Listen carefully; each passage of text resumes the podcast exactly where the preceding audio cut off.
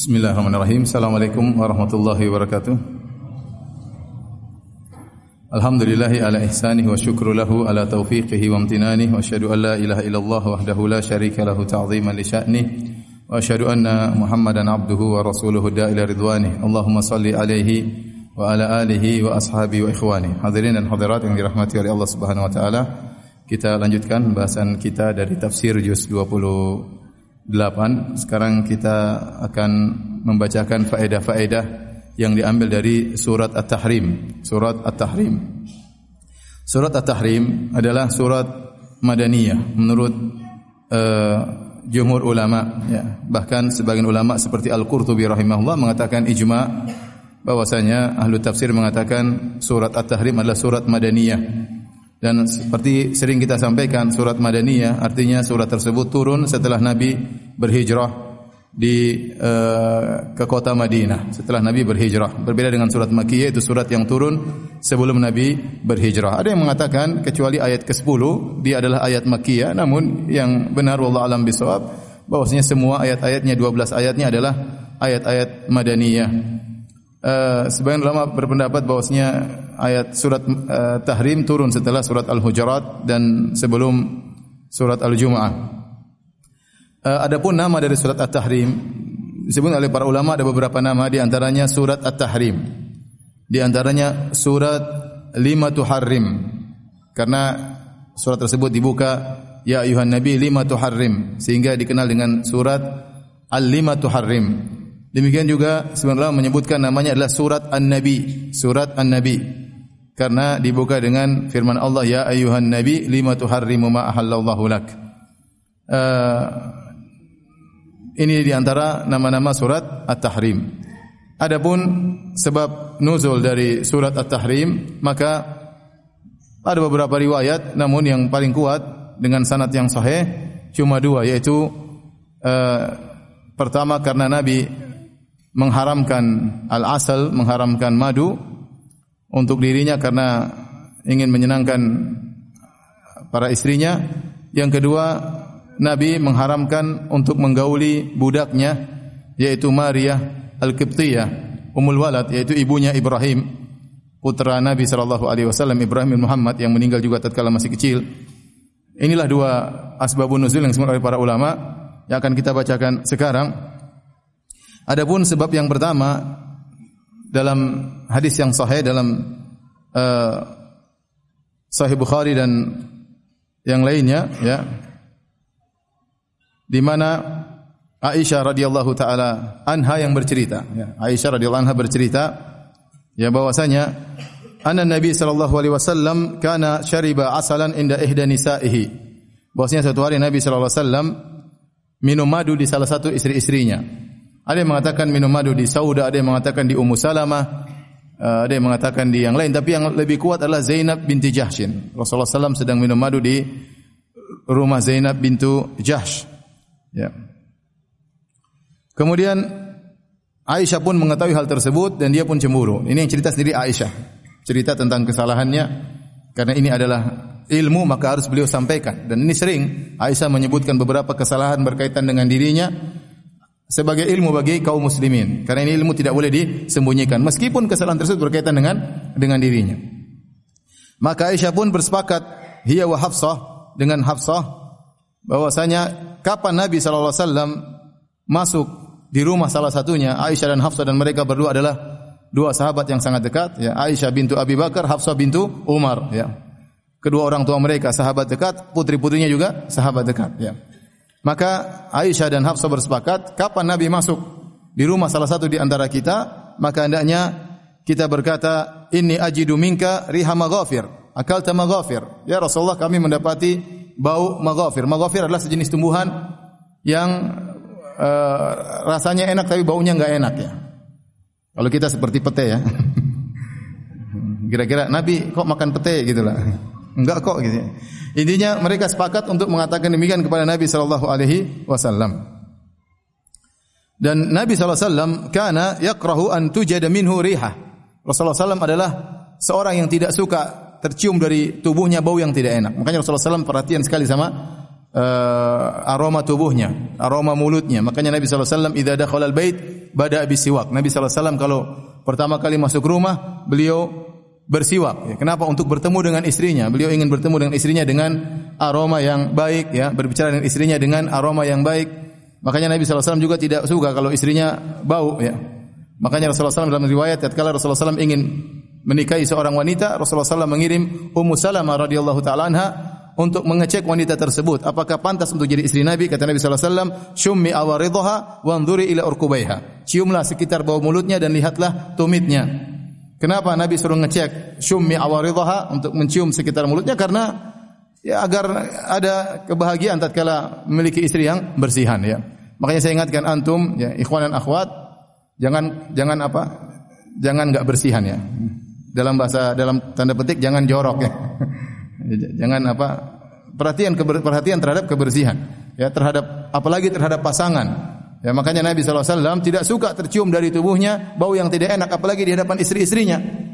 Ya dan ini diketahui oleh istri-istrinya, diketahui oleh Aisyah, diketahui oleh uh, Hafsah. Makanya mereka berpura-pura mengatakan ya Rasulullah, kami ada cium bau maghfir dari tubuhmu. Akhirnya Rasulullah SAW ya uh, masuk ke Hafsah. Ya, karena mereka sepakat Hafsah dengan Aisyah sudah sepakat. Kemudian tatkala masuk pada Hafsah, ya, maka Hafsah berkata, "Ini ajidu minka riha atau raiha al-maghafir." Ya Rasulullah, kami mendapati bau maghafir dari dirimu. Kata Rasulullah sallallahu "Bal syaribtu asalan inda fulana." Saya tidak makan maghafir. Ya, misalnya saya tidak makan pete, saya tidak makan jengkol ya, tidak ada. Saya tadi baru minum madu yaitu di rumah Zainab bintu Jahash. Ya, maka Hafsah mengulangi lagi, ya. Enggak, tadi engkau tercium bau, tercium bau maghfir dari tubuhmu. Maka Rasulullah SAW ingin menyenangkan Hafsah, maka Rasulullah SAW berkata, ya, walan a'uda lahu, aku tidak akan lagi minum asal, minum madu. Dalam rangka untuk menyenangkan Hafsah. Setelah itu Rasulullah SAW berkata kepada Hafsah, Jangan kabarkan hal ini kepada Aisyah radhiyallahu taala anha. Kenapa Rasulullah SAW tidak ingin Aisyah marah atau cemburu ya? Jangan kabarkan karena Nabi tahu Hafsah teman baiknya Aisyah radhiyallahu taala anha.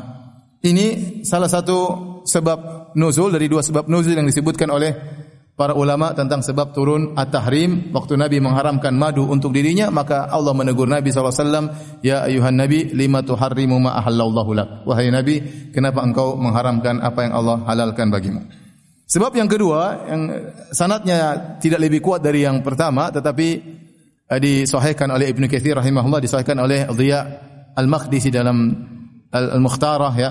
Maka kisahnya yang kedua sebab nuzul ayat ini adalah tentang kisah Nabi SAW waktu pergi ke rumah Hafsah. Waktu itu adalah hari uh, jatah nginap di rumah Hafsah atau jatahnya Hafsah ya. Maka ternyata Hafsah tidak ada di rumah Hafsah lagi pergi silaturahmi pergi ke rumah bapaknya ke Umar bin Khattab radhiyallahu taala maka Nabi SAW tahu rumah Hafsah kosong Nabi panggil budaknya Maria Al-Qibtiyah Maria Al-Qibtiyah ini seorang budak yang dihadiahkan oleh Al-Muqawqas seorang raja di Mesir memberikan hadiah Mari Al-Qibtiyah kepada Nabi sallallahu alaihi wasallam. Kemudian Nabi gauli ya. Adalah budak Nabi sallallahu alaihi wasallam dan akhirnya punya anak namanya Ibrahim.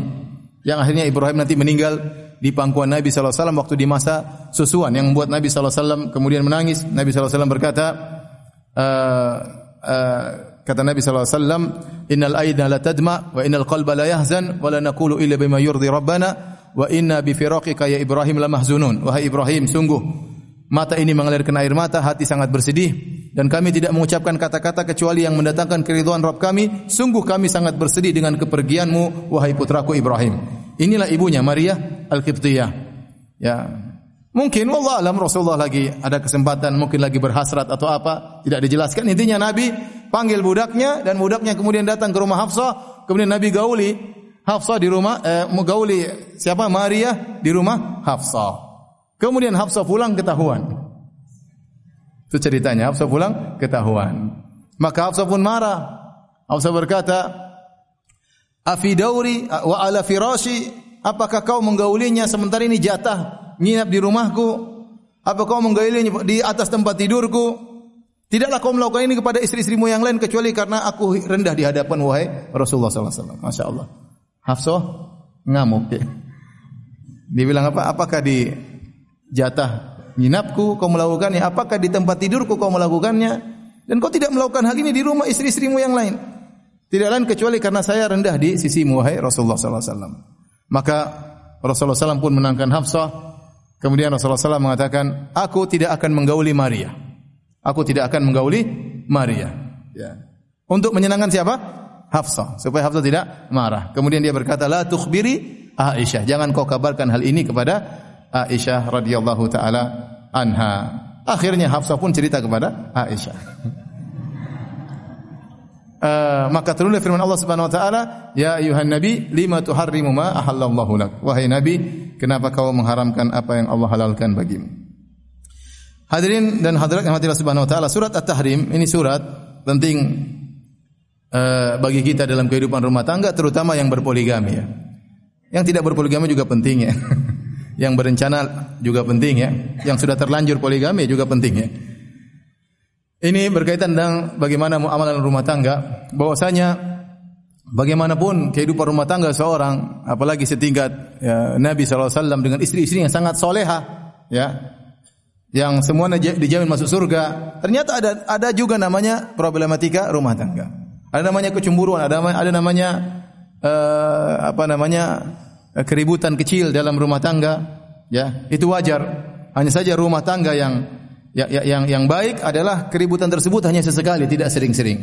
Adapun kalau dalam kehidupan rumah tangga hampir tiap hari, sepekan tiga kali ada jadwal ada jadwal ributnya, ini repot ya. Ini berarti rumah tangga tersebut tidak sehat. Ya, maka sang suami menderita, istri juga menderita. Maka harus dirubah. Ya, dirubah suasananya, dirubah cara muamalahnya agar kita dalam kehidupan rumah tangga menjadi orang-orang yang bahagia. Orang yang paling bahagia adalah orang yang bahagia di rumah tangganya. Ya, Ya, boleh orang bahagia di luar, tapi kalau dia tidak bahagia dalam rumahnya berarti dia tidak bahagia. Maka seorang tatkala tahu dalam kehidupan rumah tangga tidak bahagia, sering bertengkar sama suaminya, tidak bertengkar sama sering bertengkar sama istrinya, maka dia harus rubah pola muamalah antara dia dengan pasangannya.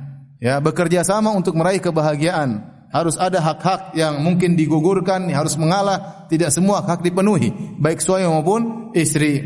Kalau masing-masing memaksa untuk memenuhi haknya, maka tidak akan berjalan dengan baik malah mudarat yang akan timbul. Tapi kita bacakan ayat-ayatnya.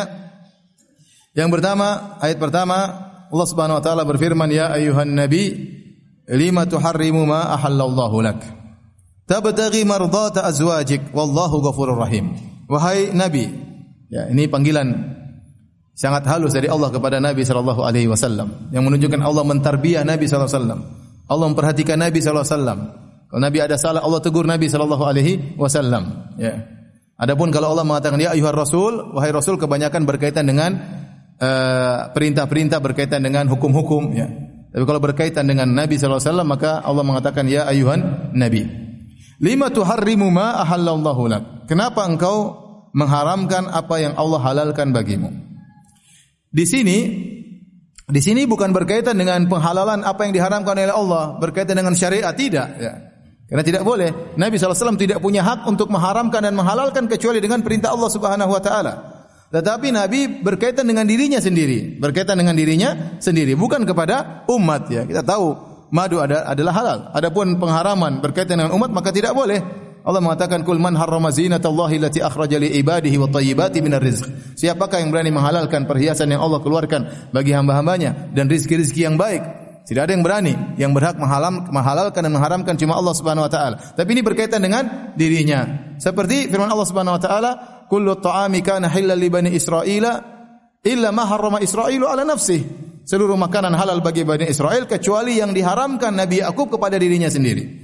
Ya. Jadi Nabi mengharamkan asal madu untuk dirinya atau Nabi mengharamkan untuk menggauli Maria al-Qibtiyah untuk dirinya.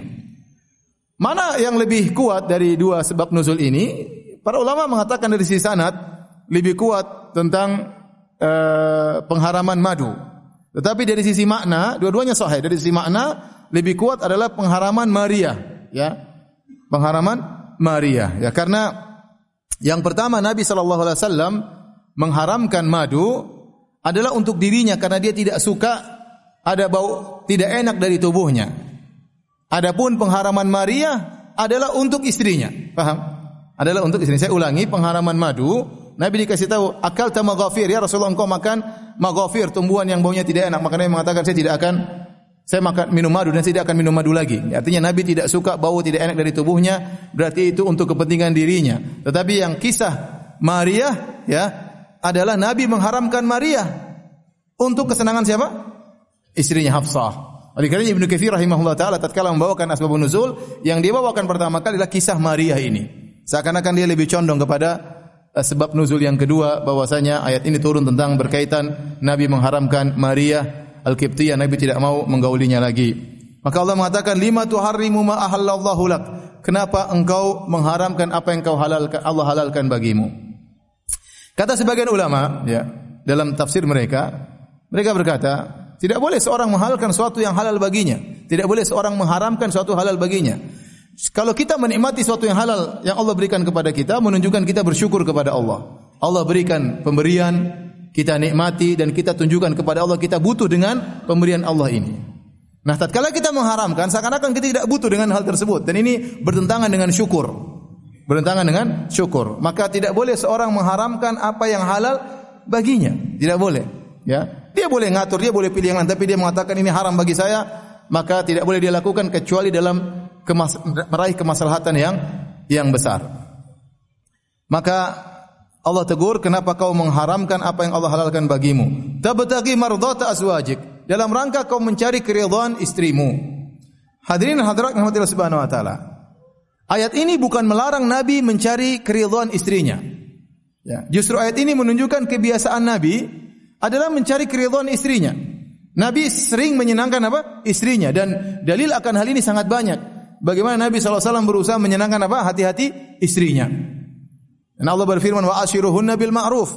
Pergaulilah istri-istri kalian dengan cara yang yang baik. Dan Nabi yang mengatakan, khairukum khairukum li ahlihi wa ana khairukum li ahli. Sebaik-baik kalian yang terbaik bagi keluarganya dan aku yang terbaik bagi suami yang terbaik bagi istriku. Oleh karena sering saya sampaikan, kalau kita murah senyum kepada orang lain, kalau kita mudah memaafkan orang lain, maka kepada istri lebih utama. Kalau kita menyenang, suka menyenangkan hati orang lain, maka menyenangkan hati istri lebih utama, pahalanya lebih besar. Karena itu barometer keimanan seseorang. Bahwasanya seorang terbaik di sisi Allah yang terbaik bagi istrinya. Maka seorang berusaha untuk menyenangkan hati istrinya. Kalau punya istrinya punya kesalahan, maafkan istrinya. Ya. Apa kata Nabi SAW waktu ditanya, Ya Rasulullah, kam na'fu anil khadim? Ya Rasulullah, berapa kali kita maafkan membantu setiap hari? Kata Nabi SAW, sab'ina marrah.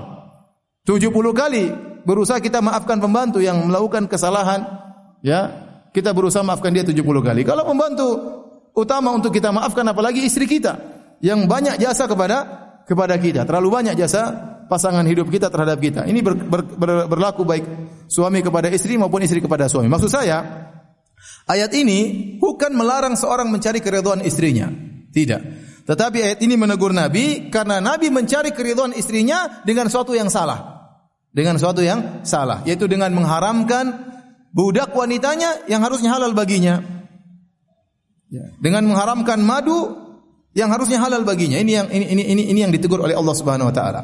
Oleh karena suami mencari keridhaan istri, istri mencari keridhaan suami, tapi tidak boleh dengan cara yang haram. Tidak boleh dengan cara yang haram. Kalau seorang suami menyuruh istrinya, ya misalnya keluar tanpa memakai jilbab terbuka auratnya dan itu menyenangkan hati suaminya, maka istri tidak boleh nurut. Istri tidak boleh, tidak boleh nurut. Misalnya seorang istri menyuruh suaminya untuk tidak mengunjungi berziarah ke rumah ibunya agar bertengkar dengan kakaknya demi menyenangkan istri, maka hukumnya haram. Kita berusaha mencari kesenangan istri, membuat istri ridha, tapi tidak boleh dengan perkara-perkara yang diharamkan oleh syariat. Jadi Nabi ditegur di sini sallallahu alaihi wasallam karena beliau berusaha menyenangkan Hafsah dengan mengharamkan suatu yang halal baginya itu yang ditegur oleh Allah Subhanahu wa taala. Namun kata Allah Subhanahu wa taala di akhir ayat, wallahu ghafurur rahim. Allah ampuni engkau, Allah Maha Pengampun, Allah lagi Maha Penyayang. Jadi Nabi sudah dimaafkan. Nabi salah ini langsung dimaafkan oleh Allah. Tanpa Nabi minta maaf, langsung dimaafkan oleh Allah Subhanahu wa taala. Tetapi Allah tetap harus menyebutkan sebagai teguran bagi Nabi dan bagi umatnya, pelajaran bagi umatnya. Sama seperti firman Allah Subhanahu wa taala dalam surat yang lain, "Afallahu anka lima adzinta lahum." Allah maafkan kau wahai Muhammad, tapi kenapa kau izinkan mereka? Allah tegur tapi Allah menyebutkan apa? Pemaafan kepada Nabi sallallahu alaihi wasallam. Demikian juga ayat ini. Allah tutup ayatnya dengan ya ayuhan nabi lima tuharrimu ma ahlallahu laka tabtaghi mardata azwajik wallahu ghafurur rahim. Wahai nabi, kenapa kau mengharamkan apa yang Allah halalkan bagimu dalam rangka menyenangkan istrimu? Tapi wallahu ghafurur rahim. Allah Maha Pengampun lagi Maha Penyayang. Kemudian Allah berkata, apa yang harus dilakukan oleh Nabi? Qad faradallahu lakum tahillata aymanikum wallahu maulakum wa huwal alimul hakim. Allah mewajibkan kepada engkau untuk menghalalkan sumpahmu. Ya, dia bersumpah tadi, aku bersumpah tidak akan menggauli Maria. Atau dalam sebab yang sebelumnya aku bersumpah untuk tidak minum madu lagi. Ya, dan ini Allah suruh rubah, batalkan sumpahnya dan bayar kafarah. Bayar kafarah. Ya, dan ini sunnah kalau seorang sudah bersumpah dan dia melihat ada sesuatu yang lebih maslahat, maka dia tinggalkan sumpahnya tersebut. Dalam hadis kata Nabi sallallahu alaihi wasallam, "Inni la ahlifu ala yaminin. Faraitu ghairaha khairan minha illa kafartu an yamini. Wa ataitu billati huwa khair. Kata Nabi sallallahu alaihi wasallam atau kama qala beliau mengatakan tidaklah aku bersumpah dengan suatu sumpah. Lalu aku melihat ada sesuatu yang lebih baik daripada hal tersebut kecuali aku melakukan yang lebih baik dan aku bayar sumpah. Ya.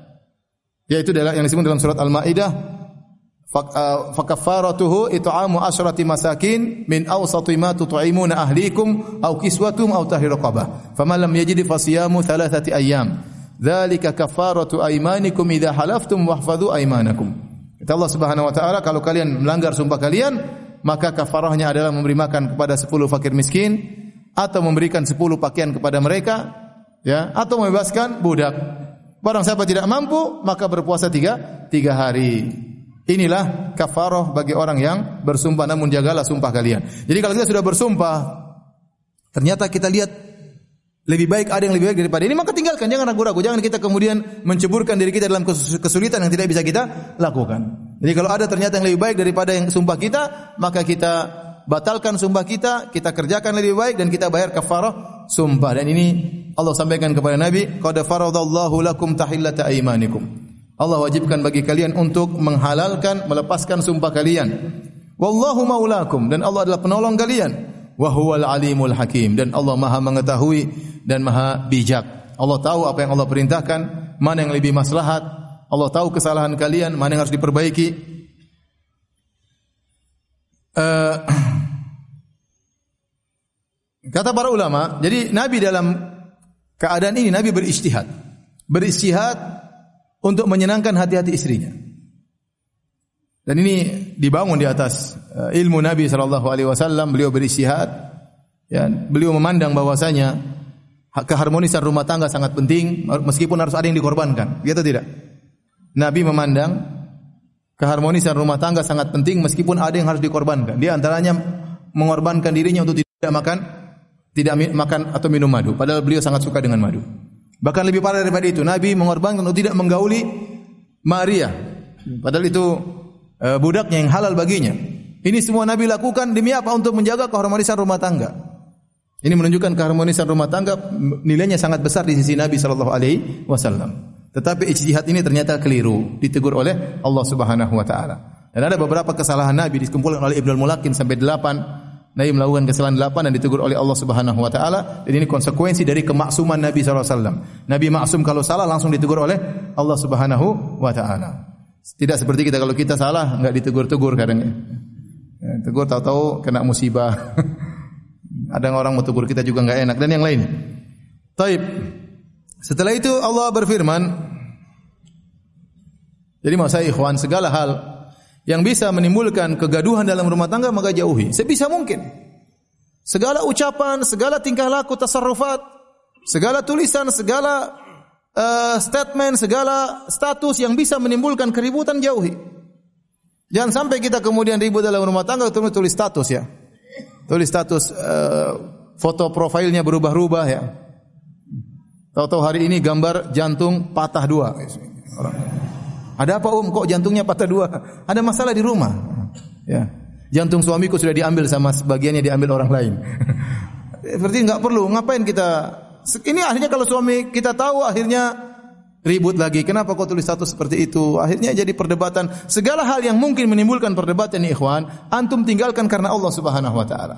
Karena keharmonisan rumah tangga itu sangat ditutup dalam dalam syariat. Lihat Nabi sampai seperti ini. Sampai berisihat sampai mengharamkan madu, sampai mengharamkan budaknya yang halal baginya demi menyenangkan istrinya Hafsah agar tidak ribut dalam kehidupan rumah rumah tangga. Maka segala sesuatu yang bisa menimbulkan keributan dalam rumah tangga kita tinggalkan. Kita mau ngomong nih mikir dulu ngomong sama istri gini enak atau tidak. Istri ngomong sama suami mikir dulu kalau saya WA seperti ini suami saya tersinggung atau tidak. Pikirkan terlebih dahulu. Sebelum kita tulis, sebelum kita ucapkan. Ya. Jangan asal ngomong sama pasangan kita, jangan asal uh, tulis WhatsApp sama pasangan kita. Tidak, kita pilih kata-kata yang tidak menyinggung hati istri kita. Kalau kita menasihati pun dengan cara yang yang baik. Karena saya katakan tadi keharmonisan rumah tangga sangat itu dalam syariat. Kemudian Allah sebutkan ya uh, wa id asarra an-nabiyyu ila ba'dhi azwaji haditha. Tatkala Nabi sallallahu alaihi wasallam membisikkan rahasia kepada sebagian istrinya. Allah tidak sebutkan siapa nama istrinya tersebut, tapi kita tahu dari hadis itu Hafsah. Hafsah. Rahasia yang Nabi katakan, jangan kau kabarkan kepada Aisyah. Entah masalah madu atau masalah Maria. Ya. Tidak perlu kita tahu siapa dan Allah tidak menyebutkan namanya. Yang penting pelajaran yang bisa diambil. Ya. Tetapi Aisyah menceritakan itu sendiri. Ya. Karena ini adalah amanah ilmiah. Meskipun kesalahan itu berkaitan dengan dirinya, dia sampaikan. Ini saya luar biasa agungnya ibunda Aisyah radhiyallahu taala Kebanyakan orang kalau punya Kesalahan tentu dia akan tutup sebaik-baiknya dan Aisyah juga menutup. Tetapi ini masalah syariat, maka dia harus apa? Sampaikan. Dan inilah Hafsah. Wa id asarra an-nabiy ila ba'dhi azwaji haditha. Tatkala Nabi menyampaikan rahasia kepada istrinya, yaitu Hafsah, suatu rahasia. Falamma nabba'at bihi, ternyata Hafsah ceritakan kepada siapa? Aisyah. Ya. Para ulama dalam buku tafsir mereka mengatakan, apa yang dilakukan Nabi itu sudah benar. Bahwasanya Nabi menyampaikan rahasianya kepada istrinya. Orang yang paling tepat untuk kita sampaikan simpan rahasia kita adalah istri kita. Karena istri kita atau suami kita tempat curhat kita, tempat kita ngobrol sehari-hari. Siapa lagi yang mau kita percaya kalau bukan pasangan hidup kita? Dan kalau kita sampaikan rahasia kita kepada istri kita, ya, maka istri kita merasa dihargai, merasa dihormati, dan dia semakin sayang kepada kita. Ya. Beda kalau ketahuan ada yang kita sembunyikan ketahuan sama dia, maka dia berbahaya. Tapi kalau kita punya rahasia kita sampaikan kepada istri, yang kita perlu ini perlu disampaikan kepada istri, sampaikan aja, nggak ada masalah. Karena di tempat tempat curhat kita, tempat ngobrol kita. Dan usahakan memang istri kita menjadi teman terdekat kita untuk kita berbicara, untuk ngobrol. Ini sering saya sampaikan ya. Kalau Anda belum bisa nikmat ngobrol sama istri, bahannya bisa nikmat ngobrol sama kawan, Anda belum bahagia. Saya ulangi lagi. Kalau Anda belum bisa nikmat ngobrol sama istri, hanya nikmat ngobrol sama kawan, berarti Anda belum bahagia. Tapi kalau anda sudah bisa ngobrol sama istri setengah jam, satu jam santai lepas, itu berarti anda bahagia. Berarti istri sudah benar-benar jadi sakinah, mawadah dan apa? Dan rahmah. Itulah kebahagiaan seorang lelaki. Makanya kalau kita ngobrol sama istri, jangan bicara yang tinggi-tinggi ya. Bicara yang memang sesuai dengan kemampuannya, ya, bahan yang memang cocok untuk dibicarakan dalam rumah tangga. Gak mungkin saya pulang dari pengajian saya ketemu istri sayangku, itu hadis doif istriku. Ya.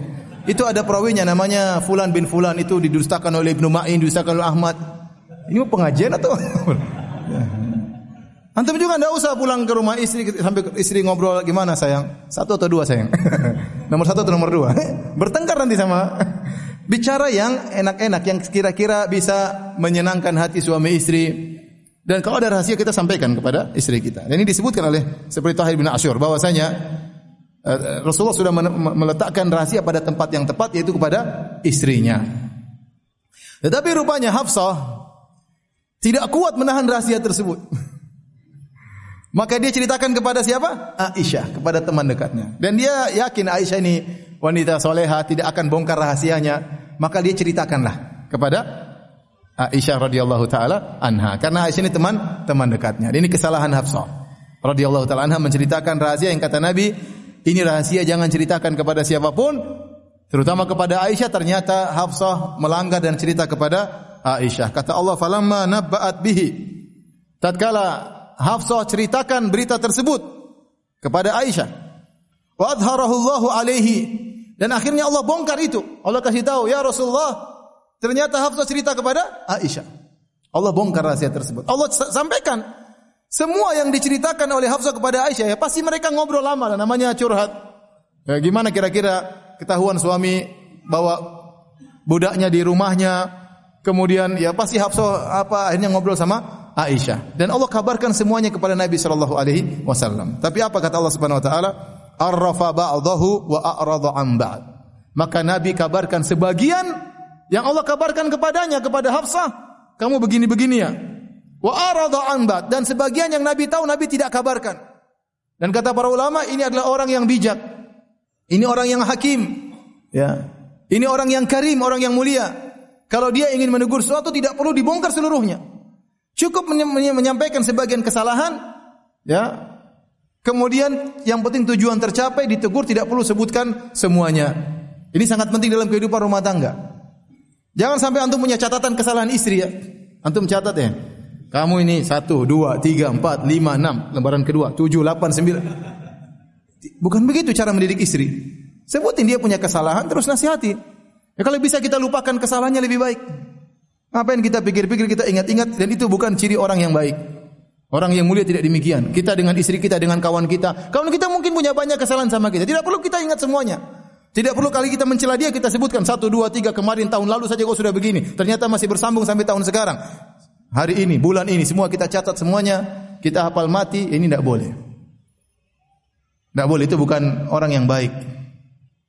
Dengan teman, dengan dengan istri, apalagi dengan istri. Ya, yang penting kita ingin menyampaikan nasihat nasihatnya sampai sudah alhamdulillah, tidak harus dengan membongkar seluruh kesalahannya. Ini saya ingatkan kepada istri juga demikian. Ya. Istri ya, biasanya suami tidak banyak hafal kesalahan istri, tapi istri biasanya hafalannya kuat. Oleh karenanya para wanita ibu-ibu, kalau suami salah ya nasihati, tidak apa-apa nasihati seorang istri kepada seorang suami, kekasih kepada kekasihnya, tapi tidak harus membongkar seluruh kesalahan-kesalahan. Makanya kata Allah Subhanahu wa taala, "Arrafa ba'dahu wa a'rada 'an ba'd." Nabi menyampaikan sebagian dan Nabi berpaling dari sebagiannya. Falamma nabba'aha bihi, tatkala uh, Nabi mengabarkan hal ini kepada Hafsah, kau tadi begini ya, engkau tadi ketemu Aisyah ngomong begini ya. Hafsah heran. Qalat man amba'aka hadha? Siapa yang kabarkan kalau aku ternyata sudah menyampaikan rahasia kepada Aisyah? Karena Hafsah tahu Aisyah enggak mungkin bongkar apa? Rahasia. Ya, Aisyah enggak mungkin bongkar rahasia. Cuma dua kemungkinan. Aisyah yang kasih tahu Nabi, ya, atau Allah yang kasih tahu Nabi. Cuma dua kemungkinan. Hafsah tahu hal tersebut. Maka Nabi pun berkata, "Qala nabba'aniyal alimul khabir." Yang kasih tahu saya adalah Al-Alim, Allah Subhanahu yang Maha mengetahui segalanya. Al-Khabir, Al-Khabir itu ilmu khusus, ilmu yang berkaitan dengan tentang perkara-perkara yang detail, perkara-perkara yang pelik. Termasuk rahasia Allah Khabir dengan apa yang kalian bicarakan. Yang kasih tahu adalah Allah Subhanahu wa taala. Ya. Kemudian jadi uh, ibu-ibu yang dirahmati Allah Subhanahu wa taala, kalau suami punya rahasia Apakah saya mengatakan ini rahasia atau tidak? Yang penting apa yang terjadi yang menurut ibu-ibu ini perlu disembunyikan, maka jangan pernah ceritakan. Lebih berat kita memegang rahasia suami daripada rahasia orang lain. Suami ini orang terdekat yang harus kita hormati, yang harus kita uh, taati. Kemudian ada rahasia dia, maka tidak boleh kita bongkar kepada siapa pun. Kalau suami sudah percaya sama kita, bicara tentang rahasia, maka jangan pernah ceritakan kepada orang lain. Maka termasuk kesalahan besar adalah membongkar rahasia yang di diamanahkan oleh suami. Ini kesalahan Hafsah radhiyallahu taala anha.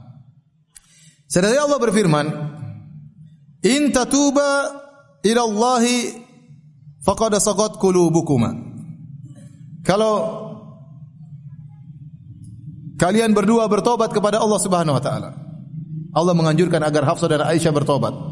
Faqad sagat qulubukuma karena hati kalian berdua telah condong menuju kesalahan. Artinya kalian telah melakukan apa? Kesalahan. Ya. Wa in tadhahara alaihi. Dan jika kalian berdua ber, saling bantu membantu untuk menyusahkan Nabi SAW, fa inna Allah huwa maulahu, sungguhnya Allah penolongnya. Wa Jibrilu dan juga Jibril penolong Nabi SAW, wa salihul mu'minin dan orang-orang soleh dari kaum mukminin akan menolong Nabi SAW, wal malaikatu ba'da dzalika zahir dan Allah juga akan menolong Nabi wasallam. Allah tegur, Allah tegur. Nabi SAW tidak ngamuk kepada Hafsah gara-gara menceritakan hal tersebut kepada Aisyah, ya. Ya, Allah tegur dan Allah juga tidak mengatakan bertobatlah dari dosa-dosa kalian, tapi Allah memberikan penawaran kalau kalian bertobat. Ya. Kenapa kata sebagian ulama? Karena kesalahan yang terjadi antara Hafsah dengan Aisyah dengan Nabi Shallallahu Alaihi Wasallam ini kesalahan akibat kecemburuan. Akibat kecemburuan. Makanya Nabi tidak menghadapinya dengan begitu tegas. Karena wanita meskipun dia sangat soleh kalau sudah cemburu dia terkadang hilang kontrol.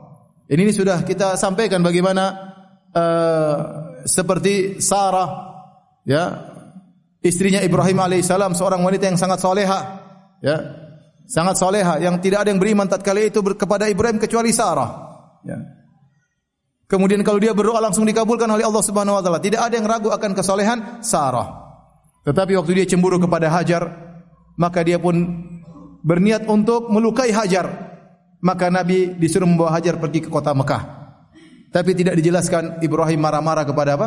Sarah. Ya, kenapa? Karena Sarah melakukan kesalahan tersebut karena kecemburuan. Karena kecemburuan. Jadi kalau kesalahan timbul karena kecemburuan, maka kita lelaki hendaknya lebih mudah memaafkan, lebih mudah mengalah. Kenapa istri kita salah ini karena saking cinta kepada kita. Bagaimana kita mau menyalahkan orang yang bersalah karena saking cinta kepada kita? Dia salah kenapa? Karena cinta kepada kita.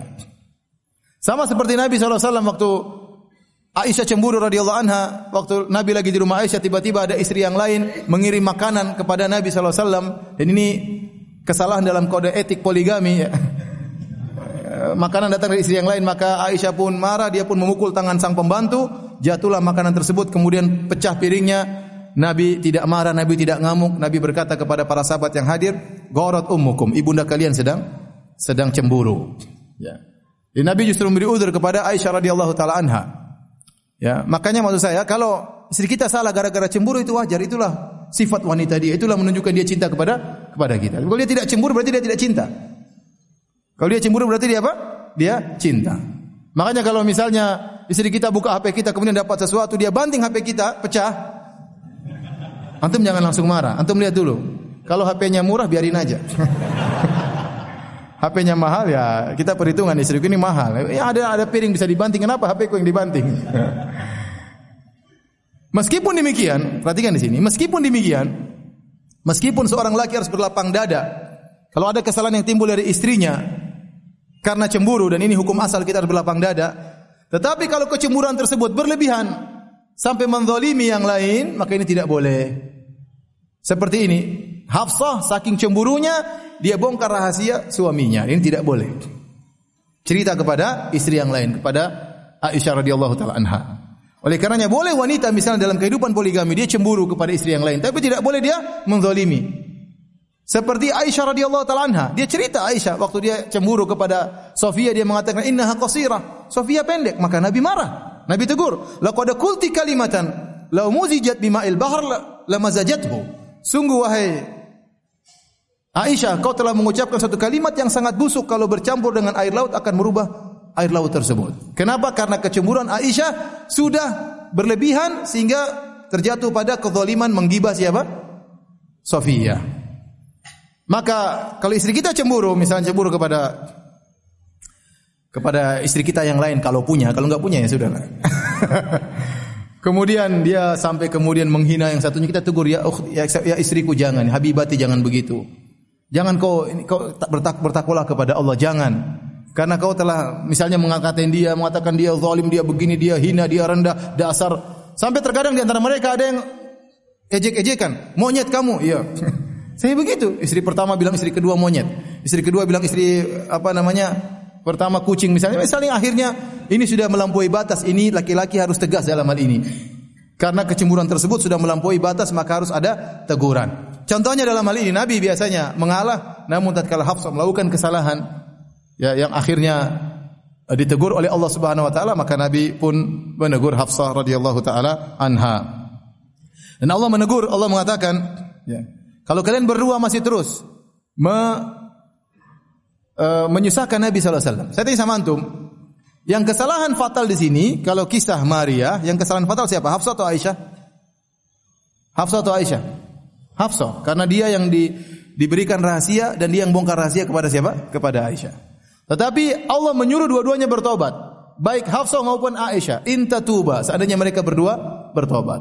Kenapa? Karena meskipun Aisyah hanya menerima rahasia, Seharusnya dia sebagai istri yang soleha, dia bilang jangan kau ceritakan rahasia tersebut. Itu rahasia suamimu, jangan ceritakan kepada saya. Harusnya dia menegur. Atau harusnya kalau rahasia tersebut sampai kepada Aisyah sebagai istri yang baik, dia lapor kepada suaminya. Hafsah cerita kepada saya, harusnya demikian. Tatkala dia hanya berdiam diri dan dia ikut mendengarkan rahasia yang dibongkar oleh Hafsah, maka dia juga bersalah radhiyallahu taala anha. Maka kedua-duanya disuruh apa? Disuruh bertobat. Kata Allah Subhanahu wa taala, kalau kalian berdua wa in tadhaharu alaihi, kalau kalian berdua sepakat untuk menyusahkan Nabi sallallahu alaihi wasallam, maka Allah adalah penolongnya. Ini menunjukkan perhatian Allah kepada Nabi sallallahu alaihi wasallam. Wa Jibril, Jibril juga akan menolong Muhammad sallallahu alaihi wasallam. Wa salihul mu'minin dan juga orang beriman. Bahkan sebagian ahli tafsir mengatakan maksudnya Abu Bakar dan Umar. Seandainya kalian berdua menyusahkan Nabi, bapak-bapak kalian berdua akan menolong Nabi. Tidak akan membela kalian. Maksudnya demikian. Dan itu benar. Ya, Umar marah kepada Hafsah gara-gara masalah dengan Nabi. Abu Bakar marah sama Aisyah gara-gara masalah sama Nabi sallallahu alaihi wasallam. Ya. Ya. Wasalihul mu'minin orang beriman akan bersama Nabi sallallahu alaihi wasallam. Bukan cuma itu, wal malaikatu ba'da dzalika dan malaikat pun akan membantu. Kata sebagian ahli tafsir demikian. Kalau Allah sudah mencintai seorang, maka semuanya akan menolong orang tersebut. Inna Allah idza ahabba abdan nada Jibril. Jika Allah sudah mencintai seorang hamba, Allah panggil Jibril, Allah berkata, "Ya Jibril, fa inni uhibbu fulanan fa ahibbah." Sungguhnya aku mencintai si fulan, cintailah dia. Wa nada Jibril fis sama. Kemudian Jibril berteriak berkata di hadapan malaikat-malaikat di langit, "Inna Allah qad ahabba fulanan fa ahibbu." Sungguhnya Allah telah mencintai si fulan maka cintailah dia.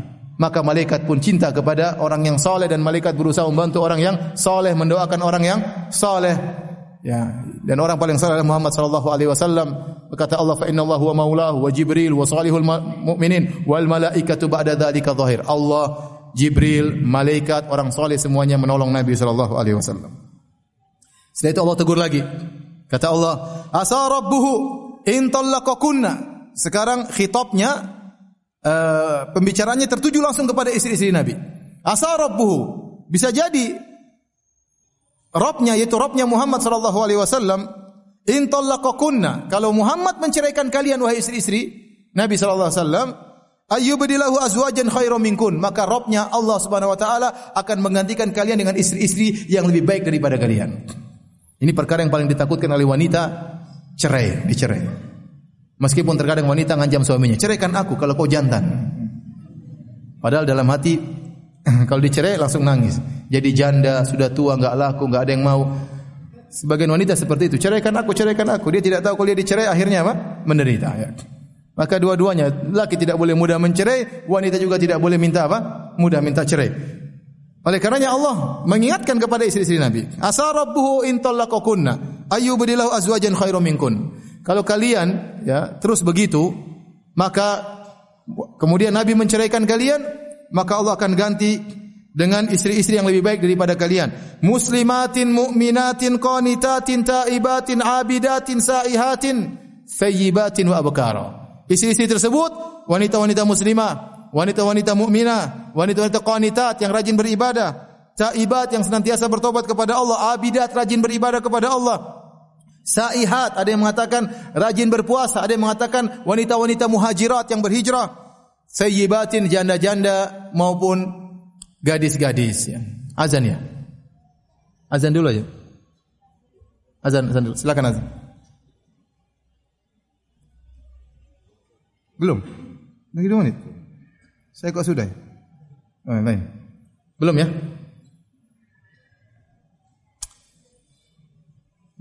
Taib, kita lanjutkan ya. Jadi Allah memberi ancaman kepada istri-istri Nabi. Ya. Ya. Bahwasanya seandainya Nabi menceraikan kalian, maka Allah akan ganti dengan istri-istri yang lain yang lebih baik daripada kalian. Yang istri-istri tersebut memiliki sifat yang banyak. Jadi Allah sebutkan sifat-sifat tersebut dengan naat muslimatin mu'minatin. Allah tidak mengatakan yang muslimah dan mukminah dan yang suka beribadah dan Allah tidak pakai dan. Tapi Allah pakainya yang yang yang yang. Berarti sifat-sifat tersebut bergabung dalam sifat-sifat istri-istri Nabi. Muslimatin, mu'minatin, qanitatin, abidatin, taibatin, saihatin, thayyibatin. Jadi maksudnya istri-istri yang akan mengganti kalian adalah yang mu'min, yang muslimat, kemudian yang mukminat lanjut. Yang sifat ini terkumpulkan kepada mereka. Qanitat yang rajin beribadah, taat beribadah, taibat yang senantiasa bertobat kalau melakukan kesalahan, abidat yang rajin beribadah kepada Allah, saihat yang senang puasa. Ya karena Allah Subhanahu wa taala tatkala Allah menyebutkan janda dan gadis baru Allah menggunakan dan. Thayyibatin wa abkar. Janda-janda dan gadis-gadis. Kalau janda Allah akan gantikan kalian dengan janda yang sifatnya ini tadi banyak. Kalaupun gadis yang Allah gantikan kalian untuk nabi maka sifatnya pun demikian. Karena nggak mungkin tergabung antara gadis dan janda. Maksudnya janda sudah menikah, gadis belum belum menikah. Taib. Hah? Azan. Taib, azan silakan. Uh, hadirin dan hadirat yang rahmati Allah Subhanahu wa taala, Allah Subhanahu wa taala menyebutkan sayyibatin wa abkar. Kalau kalian Nabi cerai, Allah akan gantikan dengan istri-istri yang lain yang solehat, yang taat kepada Nabi SAW, yang rajin beribadah, ya. Yang mereka bisa jadi sayyibat, janda-janda, bisa jadi abkaron, gadis-gadis. Dan dalam ayat ini sebenarnya mengatakan kenapa Nabi mendahulukan Allah menyebutkan mendahulukan menyebutkan janda daripada gadis ya. Ditinjau dari sisi kebanyakan istri Nabi adalah apa? Janda-janda. Yang gadis cuma siapa? Aisyah radhiyallahu taala anha. Yang kedua, janda-janda ya biasanya lebih perhatian kepada suaminya karena sudah berpengalaman menikah sebelumnya. Bisa jadi karena kesalahan yang dilakukan dia tidak ingin mengulangi lagi. Dia lebih tahu bagaimana uh, melayani suaminya ya lebih pandai menghadapi situasi berbeda dengan gadis yang mungkin baru belajar ya. Masing-masing ada kekurangan masing-masing ada kelebihan. Tapi dalam ayat ini Allah mendahulukan penyebutan janda-janda daripada daripada uh, gadis-gadis. Kemudian setelah turun ayat ini maka istri-istri Nabi terutama Hafsah dan Aisyah radhiyallahu anha segera menjalankan ayat-ayat ini menjalankan perintah Allah Subhanahu wa taala dan Nabi tidak menceraikan mereka sehingga dijadikan dalil oleh para ulama bahwasanya ya tidak ada yang lebih baik daripada istri-istri Nabi. Karena kalau ada yang lebih baik daripada istri Nabi, pasti Allah pilihkan yang terbaik bagi istri-istri bagi Nabi sallallahu alaihi wasallam. Ternyata Nabi tidak menceraikan mereka, menunjukkan mereka adalah istri-istri yang sangat soleha. Sifat-sifat yang disebutkan dalam ayat ini, muslimatin, mu'minatin, qanitatin, taibatin, abidatin, saihat. Ini semua sifat ada pada Hafsah dan ada pada Aisyah radhiyallahu taala anha. Dalilnya apa tadi? Dalilnya karena Nabi tidak menceraikan mereka, Nabi tetap bertahan dengan mereka dan Allah yang pilihkan terbaik buat siapa? Buat Nabi sallallahu alaihi wasallam. Oleh karenanya istri Nabi adalah yang terbaik dan mereka adalah istri Nabi di dunia dan istri Nabi di surga kelak. Ini juga dalil bahwasanya wanita yang soleha bisa jadi salah. Salah dalam bersikap, salah dalam berkata, terutama hal yang berkaitan dengan kecemburuan. Maka kalau istri kita misalnya lepas kontrol dalam masalah kecemburuan, maka itu wajar, bukan berarti dia tidak soleha, bukan berarti dia tidak bertakwa. Tapi wanita kalau sudah mengalami kecemburuan terkadang lepas dari kontrol yang seharusnya, ya, lepas dari kontrol yang seharusnya. Maka kita lelaki lebih sabar menghadapi istri kita atau menghadapi istri-istri kita. Taib. Demikian saja. Kalau ada yang bertanya, insya Allah kita lanjutkan pada pertemuan berikutnya. Saya persilahkan ada yang bertanya.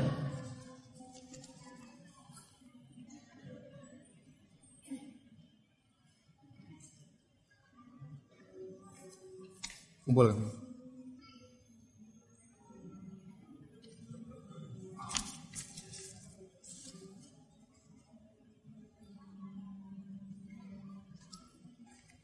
Ustaz, bagaimana dengan disertasi hubungan intim boleh tanpa nikah di UIN Yogyakarta? Tentunya ini adalah uh, kekufuran ya karena menghalalkan suatu perkara yang diketahui oleh semua kaum muslimin baik ulama maupun orang awam itu adalah haram kemudian dia nekat halalkan ini adalah kekufuran.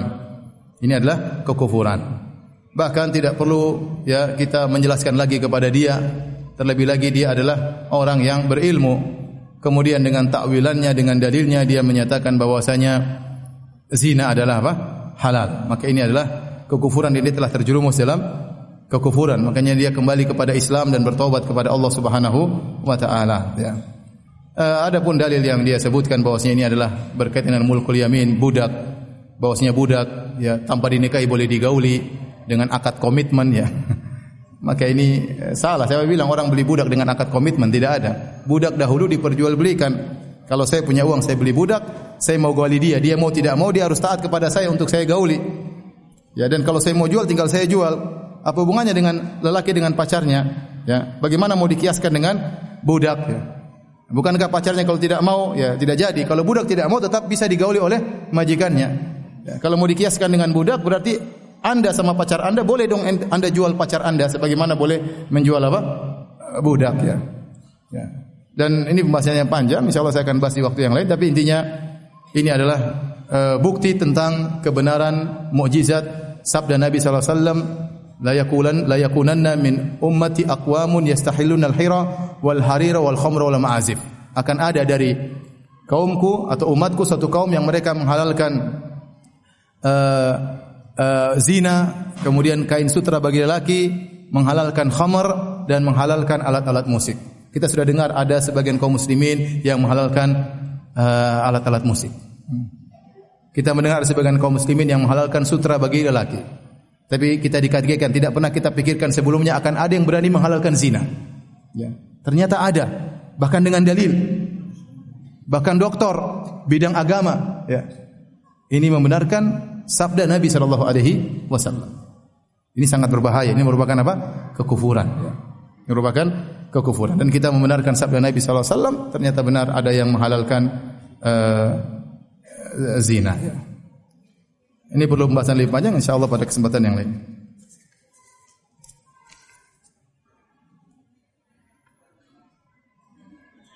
Ustaz, saya ingin bertanya, apakah dalam syariat Islam diperbolehkan dari seorang istri menyuruh suaminya untuk berpoligami dalam kondisi sang istri lagi hamil muda. Qadarullah istri saya sedang hamil muda.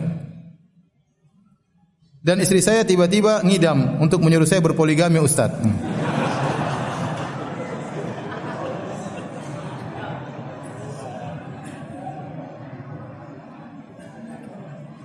Masya Allah itu Khawatirnya ngidamnya hilang ribut nanti. Tapi uh, masa seorang wanita yang kemudian secara umum wanita tentunya dianjurkan untuk menyenangkan hati suaminya, mencari keridhaan suaminya. Karena surganya di keridhaan suaminya, ya. Fa innahu jannatuki wa naruki. Kata Nabi sallallahu alaihi wasallam, sungguhnya suami itu adalah surgamu dan nerakamu. Kalau seorang wanita bisa meninggal dalam kondisi suaminya ridho kepada dia, maka ini pintu surga terbuka besar baginya. Bahkan kata Syekh Islam Taimiyah rahimahullah taala, kalau seorang sudah menikah maka kewajibannya taat kepada suaminya lebih besar daripada kepada taat kepada kedua orang orang tuanya ya. Uh, jika sehingga kalau ada seorang wanita mempersilahkan suaminya menikah lagi ya untuk menyenangkan hati suaminya ya, ya bahkan menyuruh ya ya maka ya tergantung antum ya Mau atau tidak ya? ya kalau antum merasa itu ada maslahat, ya silakan, tidak apa-apa. Ya. Kalau ternyata bukan karena maslahat atau karena yang lainnya, maka antum pikirkan. Ya, bahwasanya poligami adalah syariat yang mulia, tapi hanya jadi mulia jika dikerjakan oleh orang-orang yang mulia. Ya, tapi kalau ternyata syariat tersebut dikerjakan oleh orang yang tidak mengerti syariat, hanyalah menjadi cercaan dan menjadi keburukan bagi uh, umat Islam ya. Sebagaimana sebagian praktik poligami yang ternyata tidak berjalan sesuai dengan yang diharapkan. Ya masing-masing lebih tahu tentang kemampuannya dan kondisinya baik fisik maupun uh, ekonominya.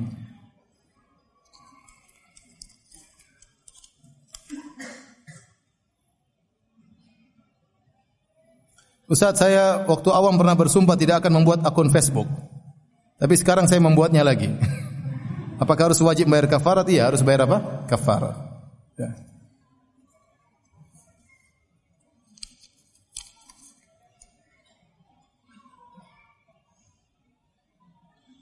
Bagaimana menurut Ustaz? Saya adalah istri kedua yang dinikahi secara agama sirri. Tapi wali dengan ayah kandung dan istri pertama juga tahu. Hanya saja belum setuju untuk sidang di pengadilan untuk dapat surat nikah.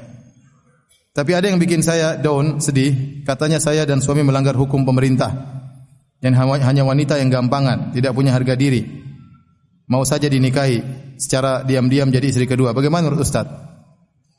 Tidak ada yang sempurna, ya. Tidak ada yang sempurna, ya uh, jangan terlalu mendengar perkataan orang luar Ini suatu kondisi yang sudah sangat indah di mana istri pertama sudah setuju ya. Kemudian terjadi pernikahan, benar dia melanggar uh, secara peraturan harusnya menikah dengan di depan KUA dan yang lainnya ya. Tapi kita nggak tahu mungkin ada sebab-sebab yang buat dia akhirnya melanggar peraturan tersebut. Tapi intinya yang sudah berjalan jalanilah dengan baik ya, berusaha mencari keridhaan Allah Subhanahu wa taala, jangan dengar perkataan orang anti wanita gampangan, anti wanita murahan itu omongan orang yang hasad aja, nggak usah dengerin. Ya. Karena di luar sana banyak, di luar sana banyak setan-setan perempuan yang tidak ridho terjadi poligami.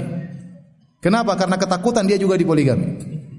Dan ini bahaya. Saya ingatkan kepada ibu-ibu, jangan menjadi setan-setan yang ingin memisahkan antara seorang dengan istrinya. Di antaranya yang mereka lakukan, mereka datang kepada istri pertama. Dan berkata kepada istri pertama, "Anti kenapa mau dipoligami? Anti gagal, anti tidak bisa melayani suami anti. Anti kurang ya sampai suami anti harus cari yang lain ya." Ini tidak benar ya. Ini tuduhan yang tidak benar kepada istri yang pertama. Saya sering sampaikan bukankah Aisyah radhiyallahu anha setelah Khadijah meninggal yang pertama kali diakad nikahi adalah Aisyah radhiyallahu anha. Meskipun tidak langsung digauli, tapi yang pertama kali diakad nikahi sebelum Saudah adalah Aisyah radhiyallahu anha. Kemudian Nabi menikah dengan wanita lagi yang lain, delapan lagi yang lain setelah Aisyah. Tapi Aisyah adalah wanita yang paling dia cintai. Maka jangan sampai seorang istri pertama kemudian dia sudah merelakan suaminya dengan berat hati Suaminya menikah dengan wanita yang lain, kemudian dia akhirnya terbawa oleh omongan wanita-wanita, setan-setan di sekitarnya. Akhirnya dia mulai marah sama suaminya sehingga dia berbuat sikap yang tidak enak sama suaminya. Akhirnya suaminya lebih cinta kepada istri yang kedua. Kenapa setiap pulang dia mendapati peperangan di rumah? Ya. Kesedihan, mendapat omelan, muka dengan wajah yang merengut, tidak ada pelayanan yang terbaik. Akhirnya dia lebih sayang kepada istri yang kedua. Itu anti merugikan diri anti sendiri. Ibu-ibu jangan sampai menjadi provokator memisahkan dosa besar, berusaha memisahkan antara seorang laki dengan istrinya. Demikian juga jangan datang kepada istri kedua juga jadi provokator. Seperti tadi, anti wanita murahan, kenapa begini, ente gampangan, anti tidak bernilai, jangan ya. Ya berusaha untuk ya sudah sudah terjadi mau diapain ya. Berusaha untuk agar kehormatan rumah tangga terjadi. Jangan sampai kita ikut campur nimbrung akhirnya merusak rumah tangga orang lain. Bahaya di akhirat kelak. Hati-hati ibu yang dirahmati oleh Allah Subhanahu wa taala ya. Dan seorang laki harus bijak menghadapi istri pertama maupun istri kedua, ketiga dan keempat ya. Berusaha untuk bersikap bijak dan adil karena dia bertanggung jawab untuk bersikap adil di antara keduanya. Kalau tidak dia akan terkena dosa besar, dipermalukan oleh Allah pada hari kiamat, berjalan dalam kondisi badan yang yang miring. Orang yang poligami saya yang susah. Begitu banyak orang datang ke rumah, poligami masalah, datang ke rumah. Senang-senang, susahnya dibawa kepada pada kita.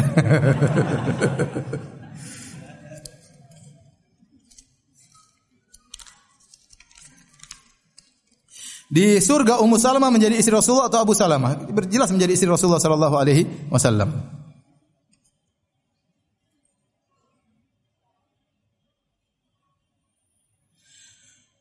Ustaz empat tahun yang lalu Ana melakukan kesalahan yaitu pergi dari rumah dikarenakan Ana bertengkar dengan suami dan Ana tersinggung oleh perkataan beliau yang di antaranya perkataannya ia mengatakan kepada Ana anti ahli neraka. Pada akhirnya suami minta maaf dan menjemput Ana kembali. Namun setelah berlalu empat tahun suami sering mengungkit kesalahan Ana tersebut ketika dia selesai kajian yang membahas tentang rumah tangga sehingga Ana malu. Mohon nasihatnya Ustaz. Tidak boleh seperti ini ya. Kalau orang sudah punya kesalahan tidak boleh mengungkit-ungkit kesalahan. Ini bukan orang yang baik seperti ini. Kesalahan yang depan mata saya tidak boleh kita ungkit semuanya. Tadi sudah kita bahas. Ini depan mata kita.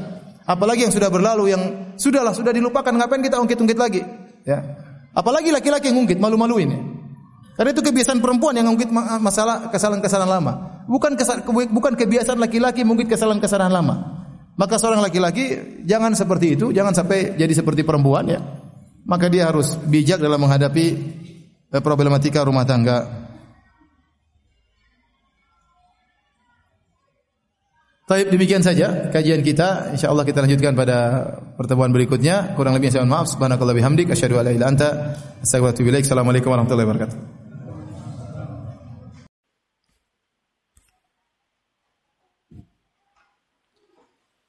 Bismillahirrahmanirrahim. Assalamualaikum warahmatullahi wabarakatuh.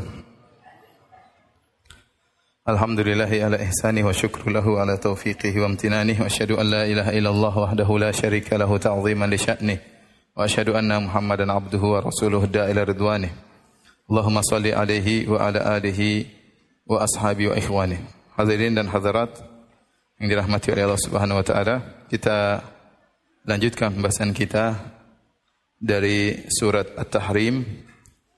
Uh, kita masuk pada ayat yang berikutnya di mana Allah Subhanahu wa taala berfirman, "Ya ayyuhalladzina amanu qu anfusakum wa ahlikum nar."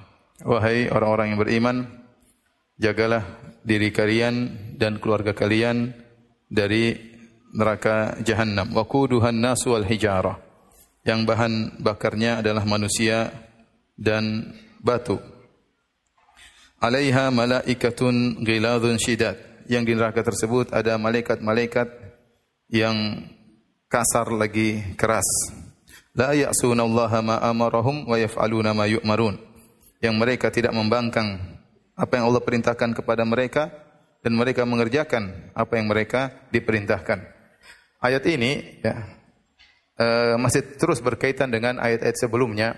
Pada pertemuan yang lalu telah kita bahas bagaimana Allah menegur ya dua istri Nabi yang melakukan kesalahan yaitu Aisyah radhiyallahu anha dan Ummul Mukminin Hafsah radhiyallahu taala anha. Setelah itu Allah lanjutkan ayatnya setelah menasihati mereka kata Allah ya ayyuhalladzina amanu wahai orang-orang yang beriman. Yang ini menunjukkan bahwasanya nasihat yang disampaikan oleh Allah kepada keluarga Nabi SAW juga berkaitan dengan kaum mukminin secara umum. Makanya setelah Allah berbicara tentang keluarga Nabi, Allah lanjutkan dengan ya yuhalladzina amanu wahai orang-orang yang beriman. Berarti eh, apa yang disampaikan kepada keluarga Nabi juga nasihat bagi kita semua. Kata Allah ku anfusakum wa ahlikum nar. Jagalah diri kalian. Ku artinya jadikanlah wiqayah, penghalang. Ya wiqayah antara kalian dengan uh, neraka jahanam. Jagalah diri kalian, istri kalian dan anak-anak kalian. Yang ini dalil bahwasanya orang beriman para lelaki tidak boleh egois, dia tidak boleh hanya memikirkan dirinya sendiri. Allah tidak mengatakan ku anfusakum naro, jagalah diri kalian neraka jahanam. Tapi Allah lanjutkan, wa ahlikum, keluarga kalian. Maka tidak boleh seorang laki kemudian egois berkata, mau istri saya masuk neraka nggak ada masalah ya. Yang penting saya masuk surga nanti diganti bidadari di surga ya. Ya, jangan. Tetapi wajib bagi dia untuk menghalangi istrinya dan anak-anaknya dari neraka jahanam ya. Dan Allah mengatakan Allah tidak mengatakan jagalah diri kalian dari maksiat, tetapi Allah langsung mengatakan jagalah diri kalian dari neraka jahanam. Kata sebagian ulama, kenapa? Karena maksiat pasti mengantarkan kepada neraka jahanam. Ya. Karena maksiat pasti langsung mengantarkan kepada uh, neraka jahanam. Yang Allah ingatkan juga, ya, sebelum kalian mencegah orang lain dari neraka jahanam, cegahlah istrimu dan anak-anakmu. Karena bisa jadi kemaksiatan tersebut terjadi dalam rumahmu, bukan di luar, terjadi dalam rumahmu. Bisa jadi kau membawa alat-alat yang mendatangkan kemungkaran dalam rumahmu. Bisa jadi kau mengajari anak-anakmu melakukan kemungkaran tanpa kau sadari. Saya contohkan seorang suami istri kemudian nonton sinetron di hadapan anak-anaknya. Secara tidak langsung dia mengajari anak-anaknya untuk nonton sinetron. Kemudian naik menjadi nonton bioskop lama-lama. bioskop syar'i. lama-lama ya.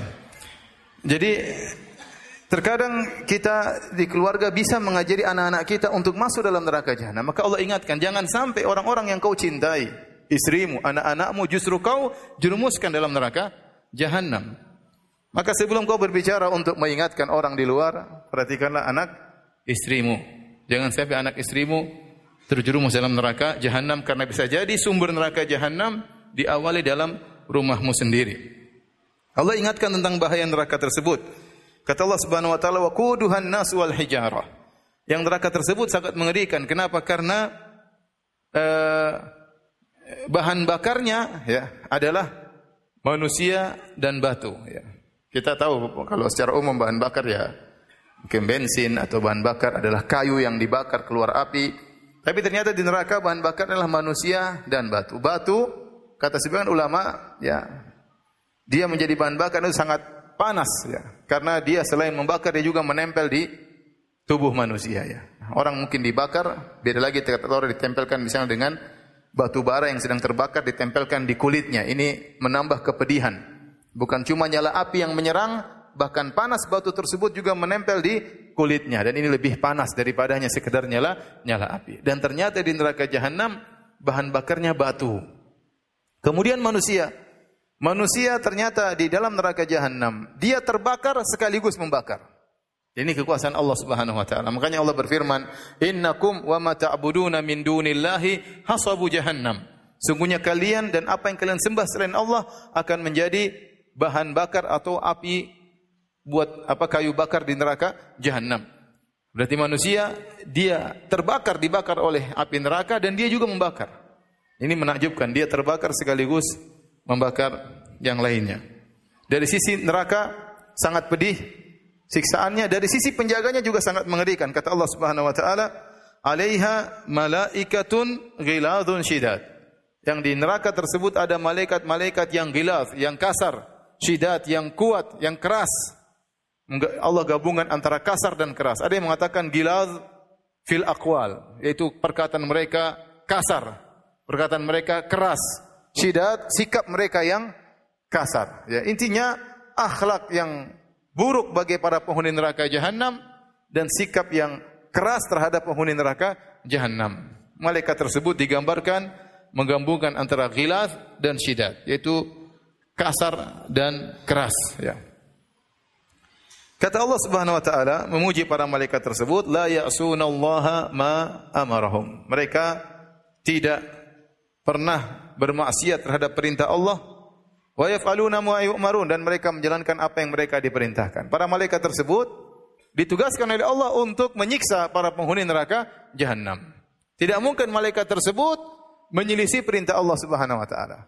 Maka tidak mungkin uh, mereka kemudian merayu malaikat untuk beri keringanan misalnya, mereka negosiasi dengan malaikat mustahil, enggak mungkin. Karena malaikat menjalankan perintah Allah untuk menyiksa mereka. Setelah itu Allah berfirman, "Ya ayyuhalladzina kafaru la ta'tadzirul yaum." Wahai orang-orang kafir. Ayat ini bukan berkaitan dengan orang-orang kafir Quraisy yang masih hidup, tetapi ayat ini masih kelanjutan tentang kondisi penghuni neraka jahanam. Kata Allah, "Wahai orang-orang kafir, jangan kalian minta uzur pada hari ini." Ini kata para ulama, mafhumnya, dalilnya menunjukkan bahwasanya mereka tatkala di neraka jahanam, maka mereka memberikan uzur mereka ke hadapan Allah. Ya Allah, kami dahulu begini karena begini, ampuni kami. Allah, kami dahulu begini, begini. Minta uzur, kasih uzur kepada Allah. Mereka minta uzur kepada Allah dan mereka menyebutkan uzur-uzur mereka di hadapan Allah agar Allah mengurangi siksaan mereka atau Allah memaafkan mereka. Jawabannya, la ta'tadzirul yaum. Jangan kalian minta uzur pada hari ini uzur kalian tidak ada yang diterima.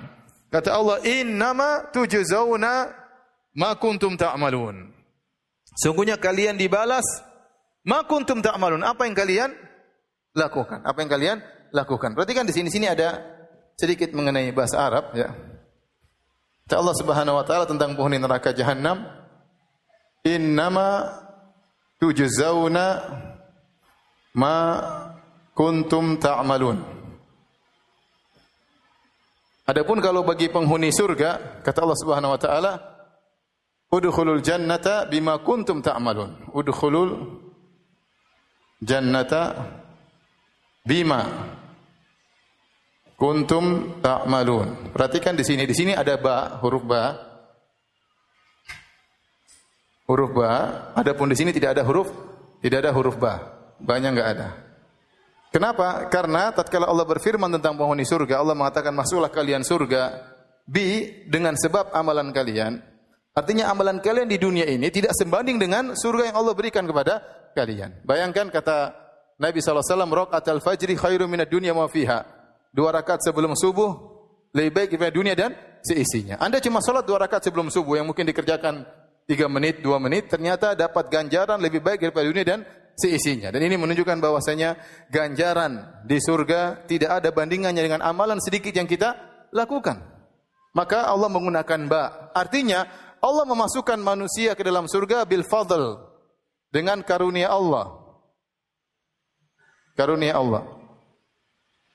Adapun tatkala Allah berbicara kepada penghuni neraka jahanam, Allah tidak pakai ba. Allah mengatakan innama tujzauna, sungguhnya kalian dibalas itu ma kuntum ta'malun. Apa sesuai dengan apa yang kalian lakukan. Allah tidak tambahkan, tapi sesuai dengan yang kalian lakukan. Maka Allah membalas penghuni neraka jahanam bil adl. Dengan keadilan. Ya. Ini sekedar sedikit yang disebut oleh para ahli tafsir tentang perbedaan antara perkataan Allah kepada penghuni surga dengan perkataan Allah kepada penghuni neraka jahanam. Kemudian Allah berfirman, "Ya ayyuhalladzina amanu Tubu ilallahi taubatan nasuha. Allah berfirman, wahai orang-orang yang beriman, bertobatlah kalian kepada Allah dengan taubatan nasuha. Taubat yang nasuh. Apa itu taubat yang nasuh?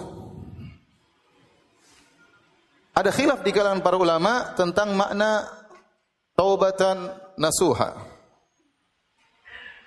Apa makna taubah nasuha.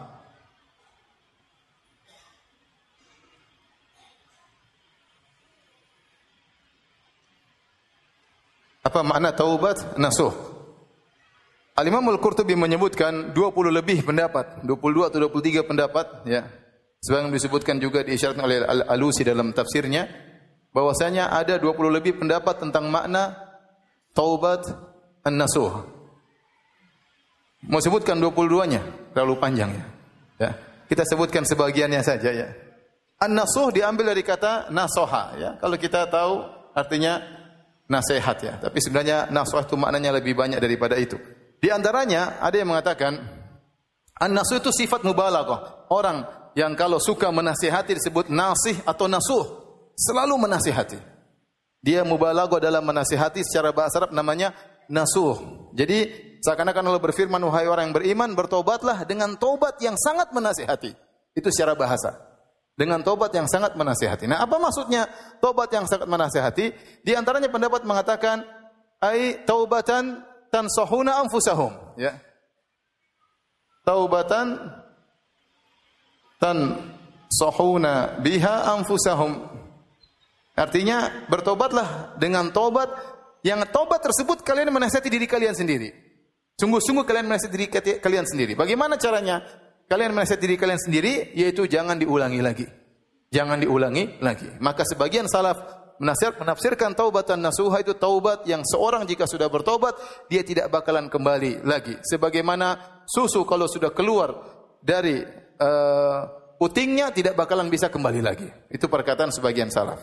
Itu maknanya taubatan nasuha Tobat yang orang kalau sudah meninggalkannya tidak bakalan kembali. Hijrah total ya. Ya. Hijrah meninggalkan maksiat dan tidak kembali lagi untuk selama-lamanya. Itu di antara makna taubatan nasuha.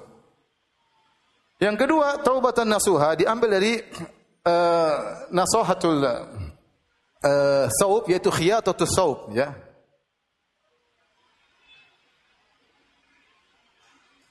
Artinya khiyatah. Maksudnya baju yang menjahit baju. Baju yang bolong-bolong. Maksudnya taubat nasuha itu seorang tatkala dia setelah bertobat maka dia memperbaiki dirinya. Mulailah dia merajut kekurangan-kekurangannya. Ya namanya orang bertobat belum tentu dia langsung meninggalkan secara total tapi dia mulai memperbaiki apa? Dirinya ibarat seperti dia merajut bajunya yang mulai robek-robek, dia perbaiki setahap demi setahap sampai dia mencapai kesempurnaan. Berarti dia terus berjalan maju, maju menuju Allah Subhanahu wa taala. Itu disebut dengan taubatan uh, nasuha. Ada yang mengatakan lagi taubat nasuha yaitu taubatan tansahuna bihi tansahuna biha ghairakum yaitu engkau menasehati orang lain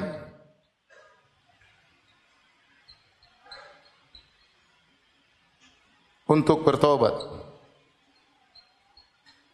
Ini di antara makna taubat nasuha, yaitu engkau berhijrah. Setelah kau berhijrah, kau tidak mencukupkan dirimu saja, tetapi kau juga mulai menasihati orang lain.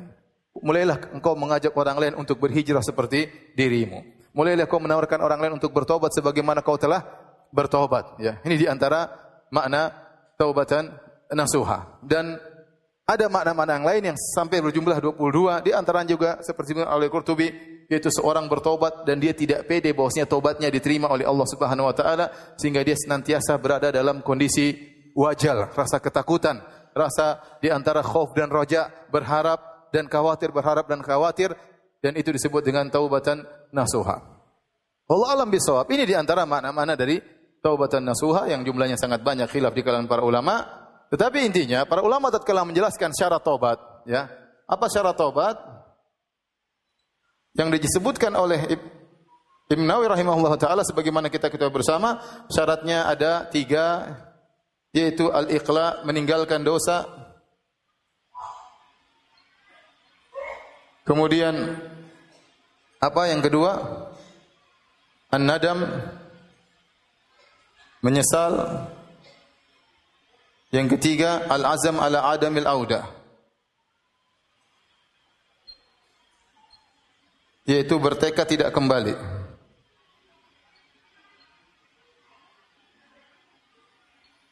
Dan ini saya rasa definisi yang paling tepat, syarat yang paling tepat yang disebut oleh Imam Nawawi rahimahullahu taala, orang kalau sudah terkumpulkan tiga perkara dalam dirinya, maka dia dikatakan bertobat. Makanya Nabi SAW dalam hadisnya mengatakan, An-nadmu taubah. Kata Nabi SAW, menyesal adalah taubat. Menyesal adalah taubat. Sebagian ulama juga tatkala menjelaskan tentang masalah taubat, mereka mengatakan nasuh ya. Nasuh dalam bahasa Arab juga berasal dari kata khalis, yaitu taubat yang murni. Taubat yang murni artinya seorang tatkala bertobat, dia benar-benar karena Allah mengharapkan wajah Allah. Bukan karena takut dengan kemudaratan berkaitan dengan badannya, bukan karena takut kemudaratan berkaitan dengan harga dirinya, bukan karena takut ya berkaitan dengan hartanya. Kalau ada seorang kemudian bertobat dari zina karena takut AIDS, maka dia tidak bertobat. Dia bertobatnya enggak ikhlas. Tobatlah ibadah, berarti harus ikhlas karena siapa? Karena Allah. Di antara makna taubat, taubatan nasuh yaitu taubat yang ikhlas karena nasuh artinya murni. Dia jadikan tobatnya karena Allah Subhanahu wa taala. Tapi kalau dia bertobat, ya, karena enggak enak kata orang, enggak enak kata ibu, enggak enak kata mertua, maka itu bukan tobat di sisi Allah Subhanahu wa taala. Dia berhenti merokok, kenapa? Mulai mulai apa? bermasalah pada paru-parunya. Ah, saya taubat dari rokok. Kenapa? Saya periksa dokter ternyata saya sakit. Ini taubat kalau hanya sekedar meninggalkan ya rokok gara-gara takut terkena penyakit di paru-parunya maka taubatnya tidak diterima. Seperti seorang berhijrah meninggalkan praktek riba. Kenapa enggak enak sama teman-temannya? Teman-temannya semua sudah resign, tinggal dia yang belum. Akhirnya dia resign juga. Bukan karena Allah tapi karena dikata-katain oleh orang-orang sebelahnya. Oleh karenanya hati-hati seorang kalau bertobat, dia juga harus menjaga keikhlasannya. Ya, jangan sampai kemudian dia pamerkan tentang taubatnya, kemudian dia berkoar-koar, khawatir dia tidak ikhlas, khawatir dia tidak tidak ikhlas. Maka seorang tatkala bertobat dia jaga tobatnya, saya bertobat karena Allah Subhanahu wa taala. Jika dia bertobat bukan karena Allah maka tobatnya tidak diterima oleh Allah Subhanahu wa taala. Baik. Pembahasan berikutnya ikhwan. Apakah tobat pasti diterima?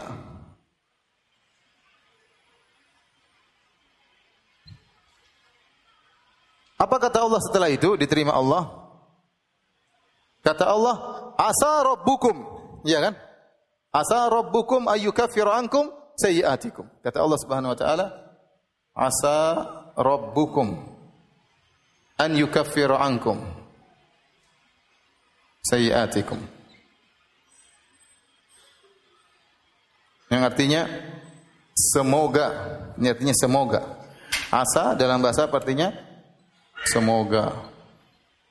Semoga Robmu meng, menghapuskan dosa-dosamu.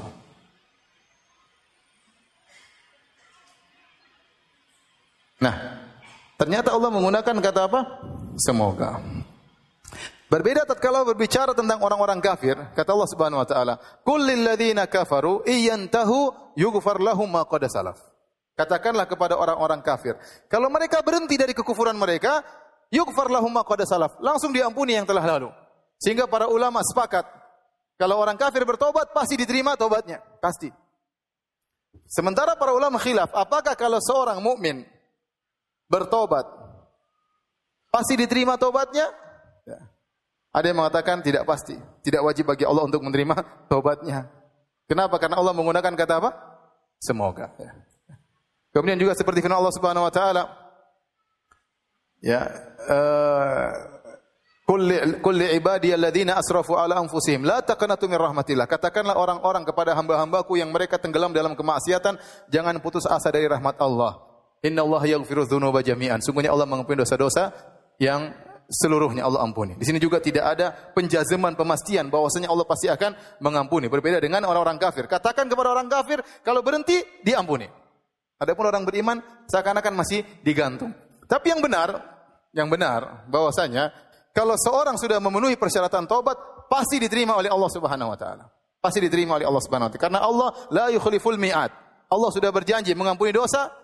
Alam ya'lamu anna Allah yaqbalu taubatan ibadih. Tidakkah mereka ketahui bahwasanya Allah menerima taubat dari hamba-hambanya dan terlalu banyak sifat Allah Tawwab yang Maha menerima taubat, Ghafur, Ghafir, terlalu banyak nama-nama Allah yang menunjukkan Allah Maha menerima taubat dan banyak hadis menunjukkan Allah Maha menerima taubat dari hamba-hambanya. Tetapi kenapa Allah menggunakan perkataan semoga sebagai isyarat bahwasanya Allah mengampuni hamba-hambanya itu bukan kewajiban dari Allah, tetapi itu karunia dari Allah Subhanahu wa taala. Ini yang pertama. Agar kalian tahu kalau Allah tidak mengampuni kalian itu hak Allah sebenarnya. Tetapi Allah dengan karunia-Nya, dengan rahmatnya, kasih sayangnya mengampuni kalian kalau kalian bertobat. Yang kedua, agar agar para hamba tatkala mendengar asa semoga agar mereka tidak jadi ujub, tidak merasa pede, senantiasa berada di antara khauf dan roja. Dan itu yang diharapkan dari Allah, dari kita oleh Allah Subhanahu wa taala. Allah berharap hamba-hambanya selalu dalam antara khauf dan roja. Jangan sampai pede berlebih-lebihan, pede merasa pede masuk surga, tetapi dia merasa antara ketakutan dan berharap. Maka Allah menggunakan kata asa. Ya. Dan kalau Allah mengatakan asa, maka pasti Allah akan melakukannya. Sebagaimana seorang raja berkata kepada uh, misalnya kepada rakyatnya, semoga kita melakukan hal ini dan dia pasti melakukannya. Cuma dia menggunakan kata semoga. Jadi asa rabbukum ayyukaffira ankum sayyi'atikum.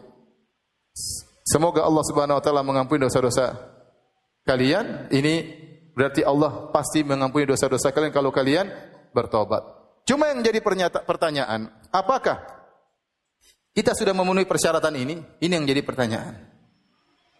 Sehingga Ibn Al-Qayyim rahimahullah ta'ala dalam kitabnya Madarijus Salikin menyebutkan bahwasanya seorang beriman tidak bisa menjazam memastikan dirinya diterima tobatnya.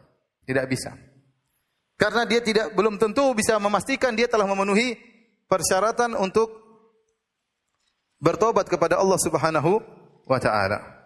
Itu yang jadi permasalahan. Tapi seandainya ya, seandainya persyaratannya sudah terpenuhi, pasti Allah akan mengampuni dosa-dosanya. Baik, kita lanjutkan. Kata Allah Subhanahu wa taala, "Asa rabbukum ayyukaffira ankum sayyi'atikum wa yudkhilakum jannatin tajri min tahtihal anhar.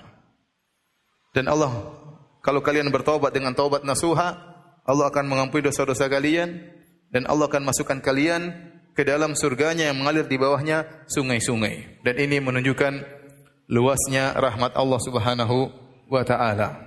Dan antum tahu bahwasanya Allah lebih sayang kepada antum daripada seorang ibu kepada anaknya. Ya, Betapa sering seorang anak bermasalah dengan ibunya, kemudian dia minta maaf, ibunya tidak memaafkan. Betapa sering demikian. Meskipun ibunya sangat sayang kepada sang anak. Betapa sering seorang anak untuk bisa mendapatkan ampunan dari ibunya, maka dia harus ya berjalan waktu yang lama, ya kemudian berusaha dari waktu yang satu ke waktu yang lain, ya mungkin bisa diomelin oleh orang tuanya, ya, bisa jadi diusir oleh orang tuanya, baru dia bisa diampuni oleh orang tuanya. Tetapi Allah Subhanahu wa taala tidak demikian. Seorang hamba bermaksiat kepada Allah, melakukan banyak dosa. Kemudian dia menangis minta ampun kepada Allah, maka Allah akan terima taubatnya. Allah akan menerima taubatnya. Dia tidak perlu merangkai kata-kata yang indah. Dia keluar secara natural dari hatinya, dari lubuk hatinya yang paling dalam minta kepada Allah Subhanahu wa taala, bangun di malam hari menangis minta ampun kepada Allah, Allah akan ampuni. Ini menunjukkan bahwasanya ya, Allah lebih sayang kepada hamba-hambanya daripada seorang ibu kepada anaknya. Yang kedua, ternyata setelah Allah ampuni, Allah bukan cuma mengampuni, bukan hanya mengatakan dosamu menjadi nol, bahkan Allah kasih bonus, yaitu Allah masukkan ke dalam surga.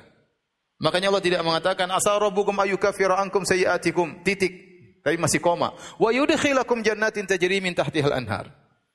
Bisa jadi Allah mengampuni dosa-dosa kalian dan memasukkan kalian ke dalam surganya. Dan apakah ada manusia yang seperti itu? Kalau kita bersalah kepada dia, kemudian kita ampun minta maaf kepada dia, terus dia berkata, saya ampuni kesalahanmu, dan ini mobil saya kasih hadiah buat kamu. Apakah ada yang demikian? Mustahil ya.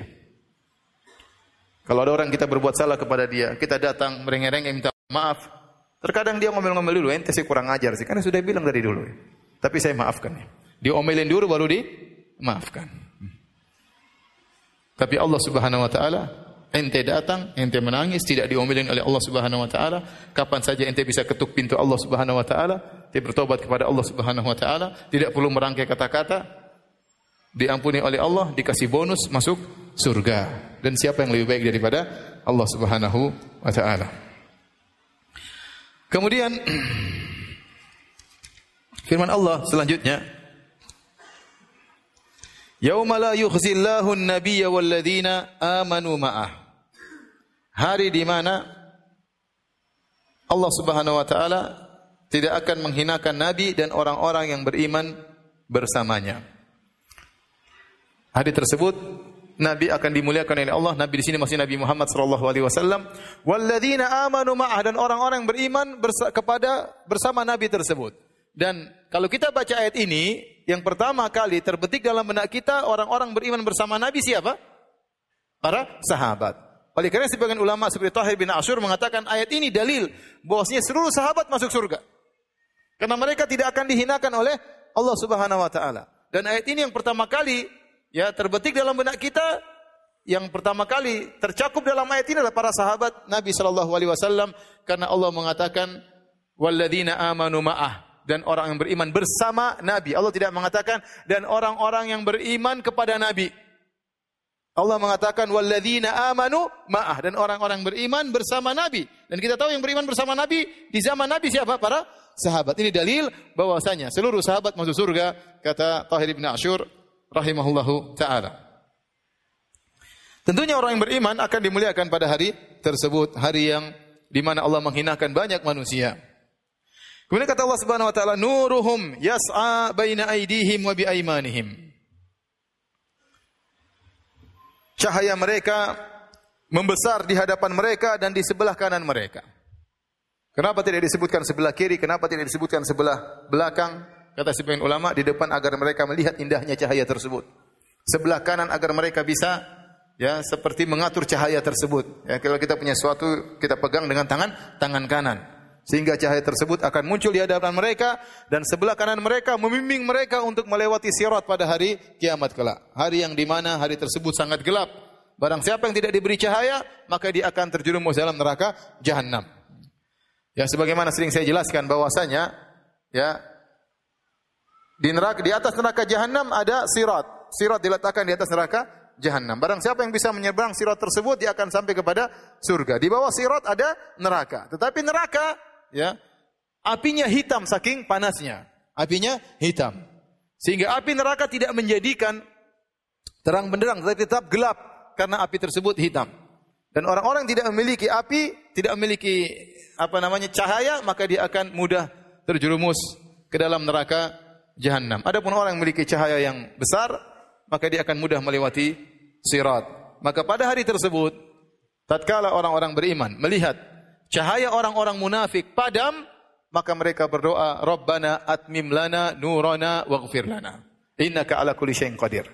Jadi tatkala di sirat, sebelum sirat terjadi zulmah, kegelapan, ya. Kegelapan sebelum orang-orang melewati sirat. Adapun orang-orang kafir yang asli, Yahudi, Nasrani dan yang lainnya, mereka tidak lewat sirat, mereka langsung masuk neraka jahanam. Yang melewati sirat cuma dua model manusia. Kaum muslimin dan orang-orang munafik yang KTP mereka Islam.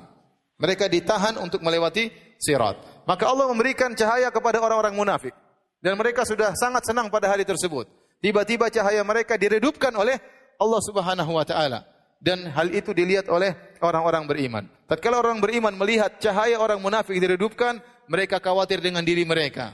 Padahal mereka sudah memegang cahaya. Mereka tetap tidak pede pada hari tersebut. Maka mereka berdoa kepada Allah Subhanahu wa taala, "Rabbana atmim lana nurana." Ya Allah sempurnakanlah cahaya kami, jangan dipadamkan. Jangan seperti orang-orang munafik yang kau padamkan cahaya mereka. Waghfir lana dan ampunilah dosa-dosa kami. Mereka tatkala dalam kondisi genting tersebut ingat dengan dosa-dosa mereka. Di hari kiamat tidak ada yang mudah hari tersebut. Semua tahapan dilalui dengan penuh ketakutan dan mengerikan. Terutama tahapan terakhir, tahapan penentuan surga atau neraka lewat sirat. Sampai para ambia tidak ada perkataan mereka kecuali tiga perkataan Allahumma sallim sallim. Para nabi ketakutan juga pada waktu tersebut. Para nabi berdoa, "Ya Allah, selamatkan, selamatkan." Itu perkataan mereka. Mereka tidak ngomong yang lain. Allahumma salim salim. Ya Allah, selamatkan umatku. Ya Allah, selamatkan umatku. Tapi tidak semua umat Nabi SAW selamat. Sehingga di saat yang sangat genting tersebut, kaum mukminin sudah memegang cahaya, mereka pun masih ketakutan. Maka mereka berkata, "Rabbana atmim lana." Ya Rabb kami, sempurnakanlah cahaya kami. Waghfir lana dan ampunilah dosa-dosa kami. Ya, karena mereka sadar mereka penuh dengan dengan dosa. Kemudian mereka berkata, Innaka ala kulli syai'in qadir. Sungguhnya engkau maha kuasa atas segala sesuatu. Mereka tidak berkata, Innaka ghafurur rahim. Sungguhnya kau maha pengampun lagi maha penyayang. Karena ini bukan di dunia lagi, ini di akhirat sekarang. Semuanya berkaitan dengan kekuasaan Allah Subhanahu wa taala.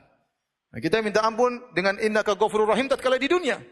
Sekarang di akhirat yang berlaku kekuasaan Allah Subhanahu wa taala, maka mereka menutup permohonan ampun mereka dengan berkata, Innaka ala kulli syai'in qadir. Sungguhnya engkau maha kuasa atas segala sesuatu. Engkau maha kuasa untuk membesarkan cahaya kami, untuk mengepin dosa-dosa kami, untuk buat kami melewati sirat. Kau maha kuasa atas segala sesuatu di hari yang tidak ada berkuasa kecuali engkau ya Allah. Kemudian Allah berfirman,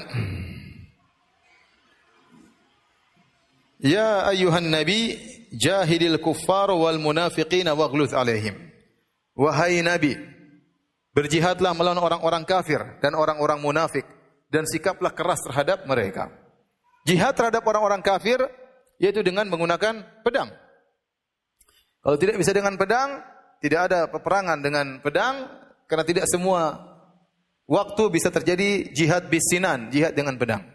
Tetapi jihad bil qalam, jihad dengan pena, jihad dengan tulisan, jihad dengan dakwah akan terus tegak sampai hari kiamat. Ya. Akan terus tegak sampai hari kiamat. Adapun jihad melawan orang-orang munafik, jelas orang-orang munafik tidak boleh dibunuh. KTP mereka Islam. Oleh karena yang dimaksud dengan jihad dengan melawan orang munafik adalah dengan ilmu. Oleh karenanya Allah Subhanahu wa taala menamakan jihad perjuangan dengan ilmu dengan jihad. Kata Allah Subhanahu wa taala, Fala tuti'il kafirina wajahidhum bihi jihadan kabira. Wahai Muhammad, jangan kau taat kepada orang-orang kafir dan berjihadlah melawan mereka bihi dengan Al-Qur'an jihadan kabira dengan jihad yang besar. Allah menamakan jihad membantah orang-orang musyrikin dengan Al-Qur'an dengan dalil-dalil Al-Qur'an sebagai jihad yang besar. Maka seorang jangan memandang namanya jihad cuma dengan pedang. Jihad dengan pedang ada. Tetapi tidak setiap saat bisa dilakukan. Tetapi jihad dengan al-qalam, dengan pena, dengan dakwah, dengan lisan, dengan tulisan, setiap saat bisa dilakukan. Dan jihad kepada orang munafik cuma satu jenis, bukan jihad dengan pedang, tidak boleh dibunuh. Karena mereka KTP-nya apa? Islam. Jihadnya dengan tulisan, dengan bantahan. Ya, karena orang-orang munafik senantiasa membuat keonaran dalam dunia Islam. Mencari kesempatan dalam kesempitan, selalu ingin kehancuran bagi kaum muslimin, selalu membela orang-orang kafir. Maka selalu memberikan syubhat, selalu ya menyebarkan kerancuan dalam beragama. Sehingga harus dibantah dan bantah mereka adalah jihad. Membantah mereka jihad bukan dengan pedang tapi dengan tulisan. Dan sekarang ikhwan, kebanyakan yang manfaat di dunia sekarang ini adalah jihad dengan tulisan, jihad dengan dakwah. Betapa banyak Orang-orang kafir masuk Islam di negara-negara kafir bukan dengan pedang. Mereka masuk Islam dengan apa? Dengan ilmu. Mereka mendengar tentang Islam. Mereka mencari tentang tulisan-tulisan Islam. Maka kemudian mereka pun masuk Islam. Kata Allah Subhanahu wa taala, "Wa ma'wahum jahannam." Sungguhnya tempat kembali mereka orang-orang kafir dan munafik adalah neraka jahanam. wa bi'sal masir dan uh, seburuk-buruk tempat kembali mereka. Setelah itu Allah Subhanahu wa taala masuk dalam paragraf berikutnya ya berbicara tentang permisalan yang Allah buat untuk orang-orang kafir dan untuk orang-orang beriman. Allah buka ayatnya dengan berkata dengan firman-Nya daraballahu wa daraballahu mathalan lil ladzina kafaru imra'ata nuhin wa. Sungguhnya Allah membuat perumpamaan untuk orang-orang kafir tentang istrinya Nabi Nuh dan tentang istrinya Nabi Lut. Kanata tahta abadaini min ibadina. Sungguhnya dua wanita ini berada ya di bawah dua orang suami yang merupakan dua hambaku yang saleh. Mereka berdua bersuamikan dua hambaku yang saleh. Fakhanatahuma. Namun kedua wanita ini berkhianat kepada dua suami mereka, hamba-hamba yang saleh tersebut. Falam yughni anhuma. Ya, maka kedua suaminya tidak bisa menolong mereka berdua. Wa qila dakhulan nar ma'ad dakhilin. Maka dikatakan kepada dua wanita ini, masuklah kalian ke dalam neraka jahanam bersama orang-orang yang masuk. Allah buka permisalan perumpamaan untuk orang-orang kafir dengan perumpamaan istrinya Nuh dan istrinya Firaun. Pembicaraannya terfokus kepada orang-orang kafir Quraisy. Wahai orang-orang kafir Quraisy, wahai orang-orang kafir, perhatikan perumpamaan ini. Ini perumpamaan Allah buat berkaitan dengan kalian. Lihatlah istri Nuh dan istri Lut alaihi wassalam berada di bawah naungan dua suami yang hamba yang saleh. Ya. Allah tidak hanya mengatakan dua wanita ini berada di bawah naungan kedua hambaku. Tetapi Allah mengatakan di bawah naungan kedua hambaku yang soleh. Artinya apa? Mereka berdua wanita ini hidup di keluarga yang baik. Mereka sangat mungkin untuk mendapatkan kebaikan dunia dan akhirat dari suami-suami mereka. Dan kerabatnya sangat dekat, hubungan yang sangat dekat, suami istri. Tapi ternyata mereka berkhianat. Istrinya, Nabi Nuh berkhianat. Di antaranya mengatakan Nabi Nuh adalah majnun, orang gila dan dia bergabung dengan orang-orang kafir, istri Nabi Lut berkhianat dengan menunjukkan oh, apa kaumnya Nabi Lut kepada tamunya Nabi Lut yang datang yang berwajah tampan untuk mengajak mereka melakukan homoseksual dengan tamu-tamu tersebut yang ternyata jelmaan para para malaikat. Mereka berdua berkhianat. Maka perhatikanlah wahai orang-orang Quraisy. Kalian sekarang hubungan kerabat sangat dekat dengan Muhammad sallallahu alaihi wasallam. Muhammad Quraisy, kalian juga Quraisy. Kalian sangat mudah mengambil kebaikan dari Muhammad sallallahu alaihi wasallam. Ya. Muhammad siap memberikan kebaikan kapan saja kepada kalian. Kebaikan yang mengantarkan kepada kalian kebaikan di dunia maupun kebaikan di akhirat. Namun ternyata kalian tidak memanfaatkan. Kalian berkhianat kepada Muhammad sebagaimana berkhianatan dua istri Nabi ini kepada kedua Nabi tersebut, yaitu kalian tidak beriman wahai orang Quraisy kepada Muhammad sallallahu alaihi wasallam. Ini perumpamaan kalian dengan dua istri Nabi. Allah berfirman, ya, Falam yughni anhuma minallahi syai'a. Perhatikan wahai orang-orang kafir Quraisy. Sungguhnya Nabi Lut dan Nabi Nuh tidak bisa menyelamatkan istri mereka.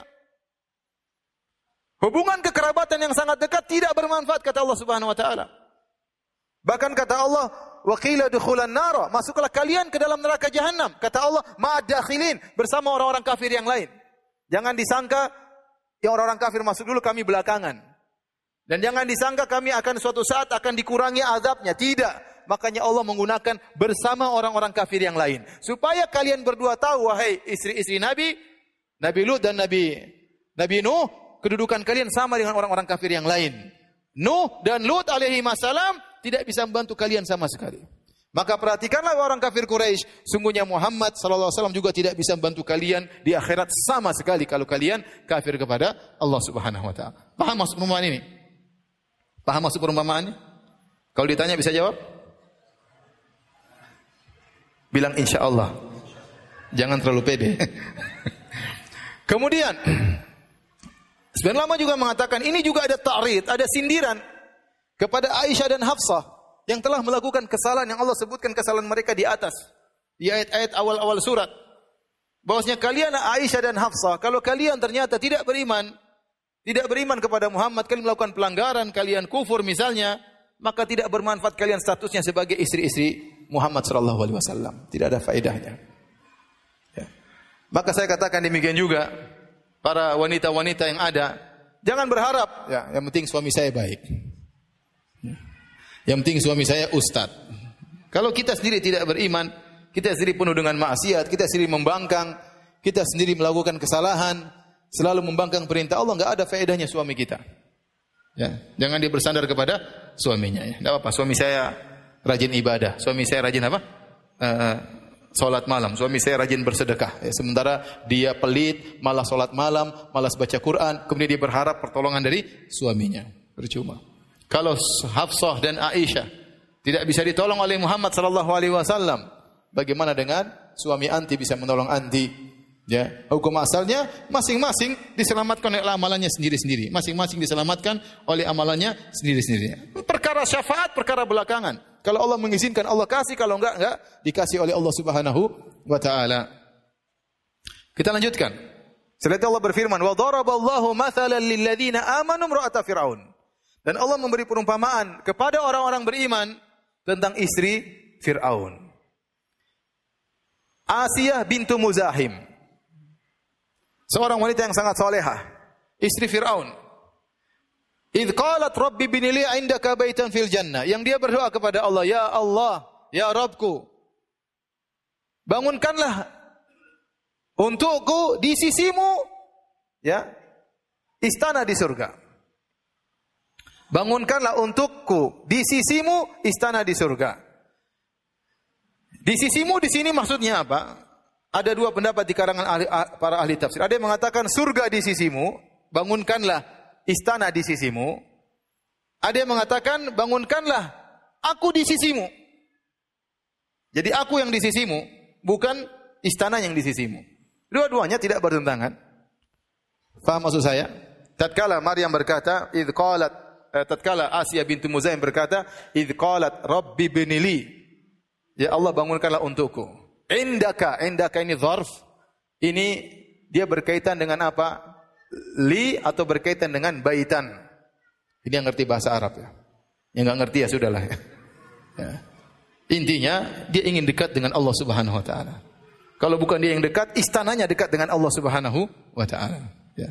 Kenapa dia mengucapkan demikian? Sebagian ahli tafsir mengatakan karena dia telah diiming-iming oleh Fir'aun untuk kufur kepada Nabi Musa alaihissalam. Untuk kufur kepada Nabi Musa alaihissalam sehingga dia akan diberikan istana yang hebat di dunia. Siapa yang tidak bangga punya suami seperti Fir'aun? Orang terkaya di dunia tatkala itu. Orang tergagah di dunia tatkala itu. Raja di raja tatkala itu. Apa yang dikatakan terjadi. Apa yang dia perintah akan dilaksanakan. Keputusan di tangannya. Semua orang takut kepadanya sampai dia merasa dirinya sebagai Tuhan. Siapa yang tidak bangga punya suami seperti Firaun? kalau kalau mau dunia, siapa yang tidak bangga punya suami seperti Firaun? Ternyata Asia bintu Muzahim beriman kepada Nabi Musa, maka dia dirayu oleh Firaun. Jangan beriman dengan Musa. Tidakkah kau lihat istanamu yang begitu megah? Ya. Maka tatkala itu dia berdoa kepada Allah. Dia meninggalkan seluruh kenikmatan dunia untuk meraih kenikmatan yang abadi di akhirat dan dia berdoa, Rabbi benili indaka baitan fil jannah.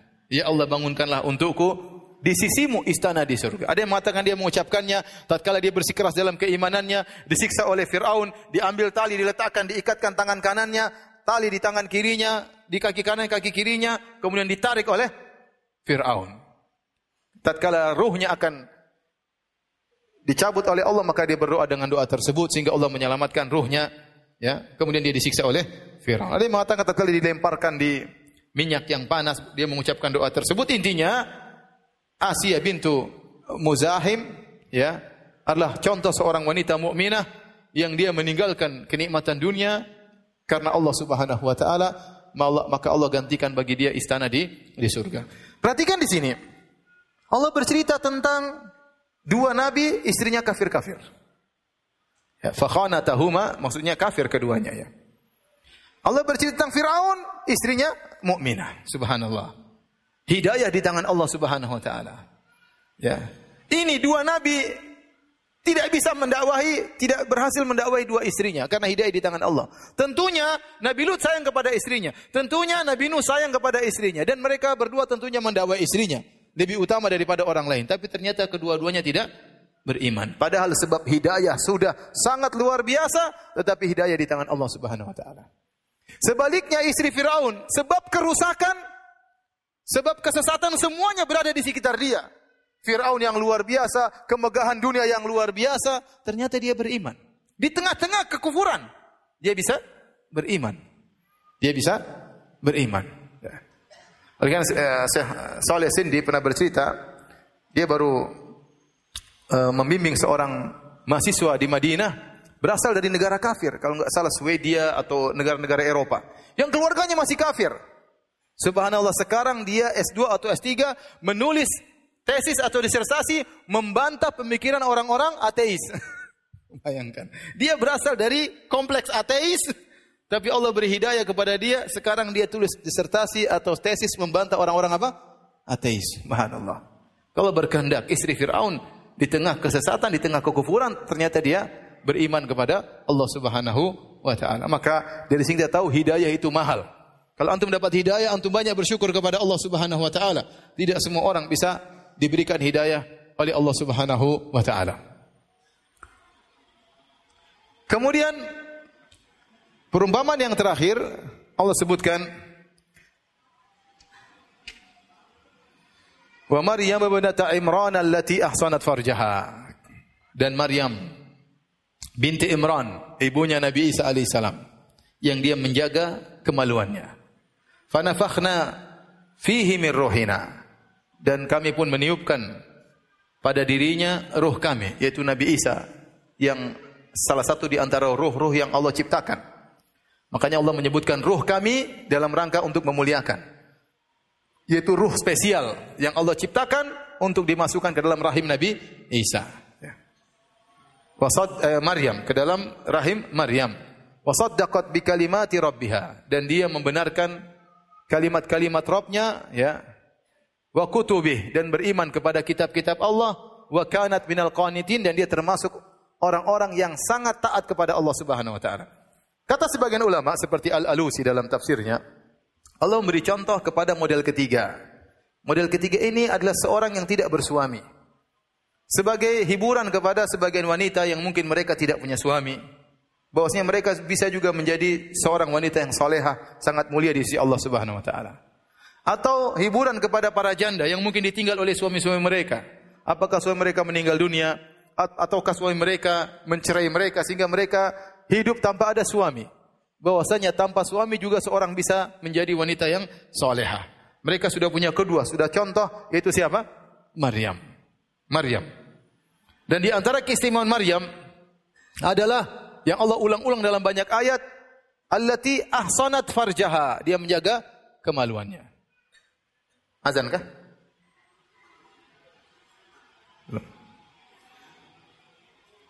Allati ahsanat farjaha, yang menjaga kemaluannya. Dia sangat menjauh dari lelaki yang bukan yang tidak halal baginya. Makanya Allah sebutkan tentang kisah Maryam tatkala didatangi oleh Jibril alaihissalam. Kata Allah, "Fatamathala laha basharan sawiyya."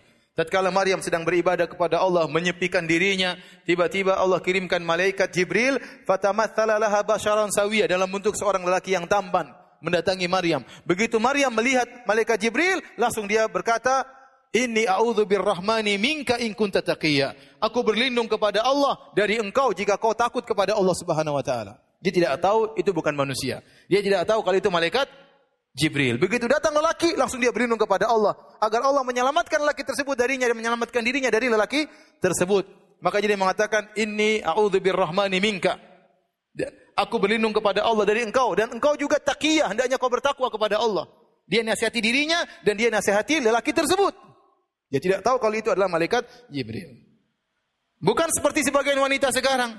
Ketemu lelaki, tinggal di mana sih? Akhi ya. seperti itu ya. Sebagian wanita seperti itu. Yang pertama kali malah berbicara dengan lelaki. Yang pertama kali malah menggoda apa? Lelaki. Sebagian wanita sampai laki-lakinya malu-malu. Malu-malu perempuan yang datang menegur. Kalau ingin masuk surga menjadi wanita soleha, allati ahsanat farjah, jaga kemaluan. Jangan sembarangan berbicara dengan lelaki. Jangan menjalin hubungan dengan lelaki yang tidak halal bagi kita. Sekarang zaman fitnah. Ya. Zaman medsos, semua orang bisa menjalin hubungan-hubungan yang haram. Semua orang bisa bernostalgia kembali kepada masa lalu, lalunya untuk mencari kawan-kawan lamanya. Dan betapa fitnah sering terjadi karena pertemuan antara seorang dengan kawan-kawan lamanya akhirnya terjadi apa yang terjadi. Maka jangan dia punya hubungan dengan lelaki mana pun yang tidak halal bagi bagi dia. Ya. Jangan jadi teman Facebooknya, jangan jadi teman Instagramnya, apalagi teman WhatsAppnya. Ya. Apalagi sampai terjadi pembicaraan japri, waduh bahaya. Ya. Setan menggoda. Setan menggoda tidak langsung dengan vulgar, tapi sedikit demi sedikit. Mulai dikenangkan dengan masa lalu, mulai canda sedikit demi sedikit, mulai terpesona dengan cara penulisannya, mulai mulai mulai cinta berkembang berkembang akhirnya terjadi apa yang terjadi. Baik laki-laki maupun wanita. Sudah azan kah? Tolong azan. Yang bertanya silakan tulis pertanyaan. Hadirin dan hadirat kematian Subhanahu wa taala. Maka Asia bintu Muzahim dan uh, Maryam bintu Imran adalah dua wanita yang spesial. Dalam Sahih Al-Bukhari, Nabi SAW bersabda, Kamula minar rijal kathir. Walam yakmul minan nisa illa Asia bintu Muzahim imra'atu Fir'aun wa Imran wa Maryam bintu Imran. Wa fadlu Aisyah ala sairin nisa ka fadli sarid ala sairi ta'am. Hadis ini diriwayatkan oleh Al-Imam Al-Bukhari dari Abu Musa Al-Asy'ari, beliau berkata bahwasanya Rasulullah SAW bersabda, lelaki yang sempurna banyak. Artinya orang-orang lelaki yang sempurna hebat, tetapi yang sempurna dari wanita tidak banyak. Di antaranya kata Nabi SAW, Asia bintu Muzahim dan Maryam bintu Imran. Spesial Nabi sebutkan. Setelah itu Nabi berkata, dan keutamaan Aisyah dibandingkan seluruh wanita, yaitu di zaman Aisyah radhiyallahu anha, sebagaimana keutamaan makanan farid dibandingkan seluruh makanan yang lainnya. Ini ada keutamaan terhadap Aisyah radhiyallahu taala anha ya karena sarid adalah makanan di zaman Nabi SAW yang merupakan makanan favorit yaitu daging berkuah dicampur dengan roti. Yang disebut oleh para ulama makanan tersebut mencampurkan antara kelezatan dengan gizi yang tinggi. Kemudian juga mudah untuk ditelan ya makannya pun enak dan mudah untuk dicerna ya. Sehingga kata mereka demikianlah Aisyah radhiyallahu taala anha seorang wanita yang soleha, ya, cerdas, mudah untuk diajak ngobrol oleh Nabi sallallahu alaihi wasallam, eh, kemudian berbicara dengan baik, ya. Itulah Aisyah radhiyallahu taala sehingga sangat dicintai oleh Nabi sallallahu alaihi wasallam. Taib. Hadirin demikian ya apa yang bisa kita sampaikan dari uh, tafsir surat uh, Tahrim. Selanjutnya uh, pertanyaan kita jawab yang bisa dijawab. Ustaz, apakah kejadian istri Nabi Lut dan Nabi Nuh bertentangan dengan surat An-Nur ayat 26, yaitu laki yang baik untuk wanita yang baik? Allah berfirman, "Al-khabithatu lil khabithin wal khabithuna lil khabithat, wat tayyibatu lit tayyibin wat tayyibuna lit tayyibat." Wanita-wanita yang buruk untuk lelaki-laki yang buruk, lelaki-laki yang buruk untuk wanita-wanita yang buruk. Lelaki-laki wanita-wanita yang baik untuk lelaki-lelaki yang baik, lelaki-laki yang baik untuk wanita-wanita yang baik. Ayat ini turun dalam rangka dalam surat An-Nur pembelaan terhadap tuduhan yang dituduhkan kepada Ummul Mukminin Aisyah radhiyallahu anha dikatakan sebagai wanita pezina. Maka turunlah belasan ayat membela Aisyah radhiyallahu taala anha. Di antara pembelaan tersebut adalah ayat ini, al-khabithatu lil khabithin wal khabithuna lil khabithat. Wanita-wanita buruk maksudnya wanita-wanita pezina. Adalah untuk lelaki-lelaki apa? Pezina. Dan lelaki-lelaki pezina untuk wanita-wanita pezina. Karena Nabi bukan pezina, maka istrinya juga bukan pezina. Jadi ayat ini untuk menjelaskan Nabi tidak mungkin nikah dengan cocok dengan Aisyah. Karena kalau seorang menuduh Aisyah pezina, melazimkan Nabi juga apa? Berzina. Karena Nabi bukan pezina, wali maka demikian juga Aisyah bukan wanita pezina. Nah, adapun uh, yang berkaitan dengan istri Nabi Lut maupun istri Nabi Nuh, maka kata para ulama tidak ada istri-istri Nabi yang berzina. Tidak ada. Semuanya wanita baik-baik dari sisi hal tersebut, tetapi dalam keyakinan mereka bisa jadi menyelisih suami mereka. Di antaranya istri Nabi Lut dan istri Nabi Nuh, mereka bukan wanita pezina tapi mereka kufur kepada Allah Subhanahu wa taala ya. Oleh karena tidak bertentangan antara ayat ini dengan ayat yang uh, satunya ya, tidak bertentangan. Ini ujian Allah berikan kepada uh, Nabi Nuh dan Nabi Lut memiliki istri-istri yang kafir dengan hikmah yang Allah kehendaki di balik ujian tersebut sebagaimana Allah menguji Asia bintu Muzahim yang bersuamikan Firaun yang sangat parah ya. Sampai dalam doanya yang tadi kita sebutkan apa kata Asia? Wa najini min fir'auna wa amalihi. Ya Allah selamatkanlah aku dari Fir'aun dan perbuatannya. Bukan cuma perbuatannya yang kurang ajar, bahkan orangnya pun selamatkan aku.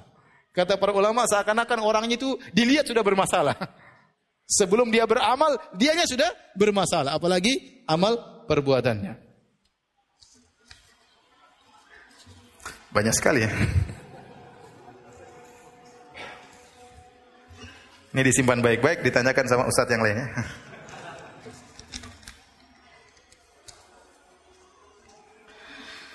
Saya kan ingin uh, meminta pendapat dan nasihat dari Ustadz. Afwan sebelumnya karena di luar tema. Tolong beri nasihat kepada teman ana yang masih pacaran. Ustadz Kodarullah teman ana lagi hadir di majelis ini. Kalau dia perempuan, maka dia ingat kisah siapa? Maryam ya, yang menjauh dari apa? lelaki, yang tidak mengajak ngobrol apa? lelaki ya. Menjaga kemaluannya, menjaga harga dirinya. Lihatlah Maryam karena dia wanita soleh akhirnya punya anak namanya Isa bin Maryam yang sangat-sangat super soleh bahkan seorang nabi. Tidak lain dari buah kesolehan Maryam kepada Allah Subhanahu wa taala maka Allah memberikan anak yang luar biasa itu Nabi Isa alaihi salam ya. Dan kita tahu bahwasanya pacaran itu hukumnya haram ya. Apalagi kata Nabi sallallahu alaihi wasallam la yakhluwanna rajulu bimra'atin illa kana syaitanu thalithahuma tidaklah seorang laki berdua-duaan dengan seorang wanita kecuali syaitan hadir menjadi yang ketiganya. Dalam rangka untuk mengobarkan syahwat mereka berdua dalam rangka untuk menghiasi perkataan di antara mereka berdua dalam rangka untuk menghembuskan khayalan-khayalan dalam benak mereka berdua dalam rangka menghembuskan cinta ke dalam diri mereka berdua dan akhirnya terjadi apa yang terjadi Jangan nonton film santri pacaran ya, jangan ya. Nah, itu saya baru dapat klip ada film katanya santri, film santri di situ disebutkan santri pacaran dengan santri santriwati. Tentunya ini film yang sesat dan menyesatkan.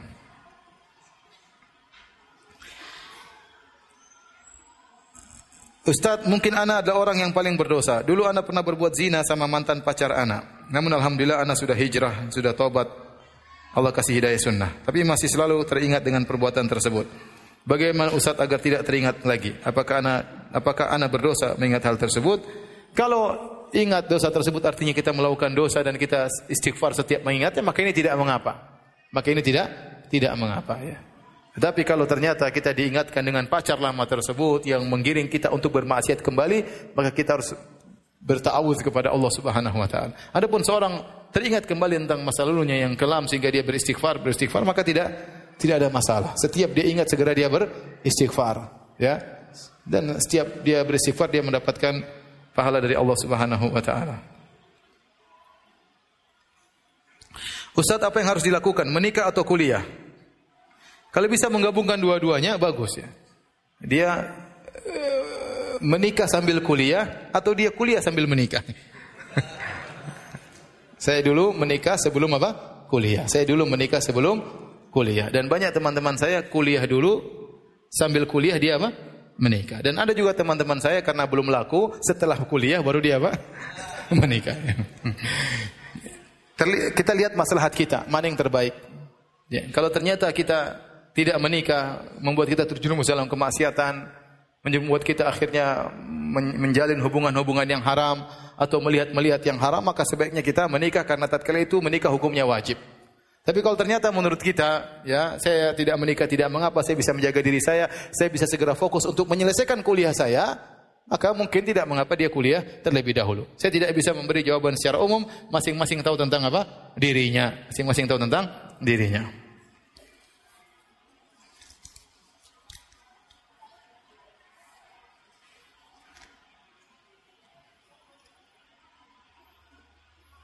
Apakah orang-orang munafik yang diredupkan cahayanya ketika melewati sirat akan masuk surga juga? Oh tidak. Mereka masuk neraka yang paling bawah ya. Innal munafiqina fi darkil asfali minan nar. Sungguhnya orang-orang munafik di neraka yang paling bawah. Bahkan neraka mereka kata para ulama lebih parah daripada neraka Yahudi dan Nasrani. Kenapa? Karena Yahudi dan Nasrani kafir asli. Adapun orang-orang munafik mereka menggabungkan dua kafir dan berdusta. Ya. Yukhadi'una Allah wal ladzina amanu. Mereka menipu Allah dan orang-orang beriman. Menampakkan KTP-nya Islam tapi hatinya apa? Kufur, benci dengan syariat Islam, benci dengan hadis-hadis Nabi, benci dengan orang eh, hijrah, benci. Ya. Ada kebencian terhadap ayat-ayat Allah, ada kebencian terhadap hadis-hadis Nabi Shallallahu Alaihi Wasallam. Maka orang ini lebih parah daripada kafir asli Yahudi dan Nasrani. Dan kerusakan yang mereka timbulkan lebih parah daripada kerusakan yang ditimbulkan oleh Yahudi dan Nasrani. Dan mereka dimanfaatkan oleh orang-orang kafir asli ya karena mereka dianggap orang dalam dalam Islam. Kerusakan timbul dari dalam lebih berbahaya daripada kerusakan timbul dari luar. Makanya orang-orang munafik, mereka di neraka jahanam bahkan lebih parah daripada Yahudi dan Nasrani kata Allah innal munafiqina fid darkil asfali minan nar. Sungguhnya orang munafik di neraka yang paling bawah. Ustaz insya Allah mau menikah, saya mau menikah tahun ini, tapi ada sedikit masalah sama akhwatnya. Dianya masih merasa takut sama ikhwan yang terlihat baik akhlak sama akidahnya, tapi buruk pergaulannya. Mau soal nasihat sama doanya Ustaz. Kita doakan semoga antum diberi istri yang soleha. Apakah dengan CD atau yang lainnya? Tetapi maksud saya antum uh, berdoa kepada Allah. Kalau ini baik bagi saya, mudahkan bukakan hatinya agar menerima saya. Kalau buruk carikan yang yang lainnya. Uh, kekhawatiran itu wajar dan ini tanda wanita tersebut baik Ya, dia takut dapat suami yang akhlaknya buruk ya. Ya, tapi seharusnya wanita ini antum sarankan dia untuk bertanya-tanya kepada orang lain tentang diri antum untuk memastikan antum baik atau tidak. Tidak mungkin antum menilai diri antum sendiri. Saya baik loh, nggak mungkin ya. Ya. Wala tuzakku anfusakum, jangan kalian merekomendasikan diri kalian sendiri, tapi silakan bertanya. Caranya demikian.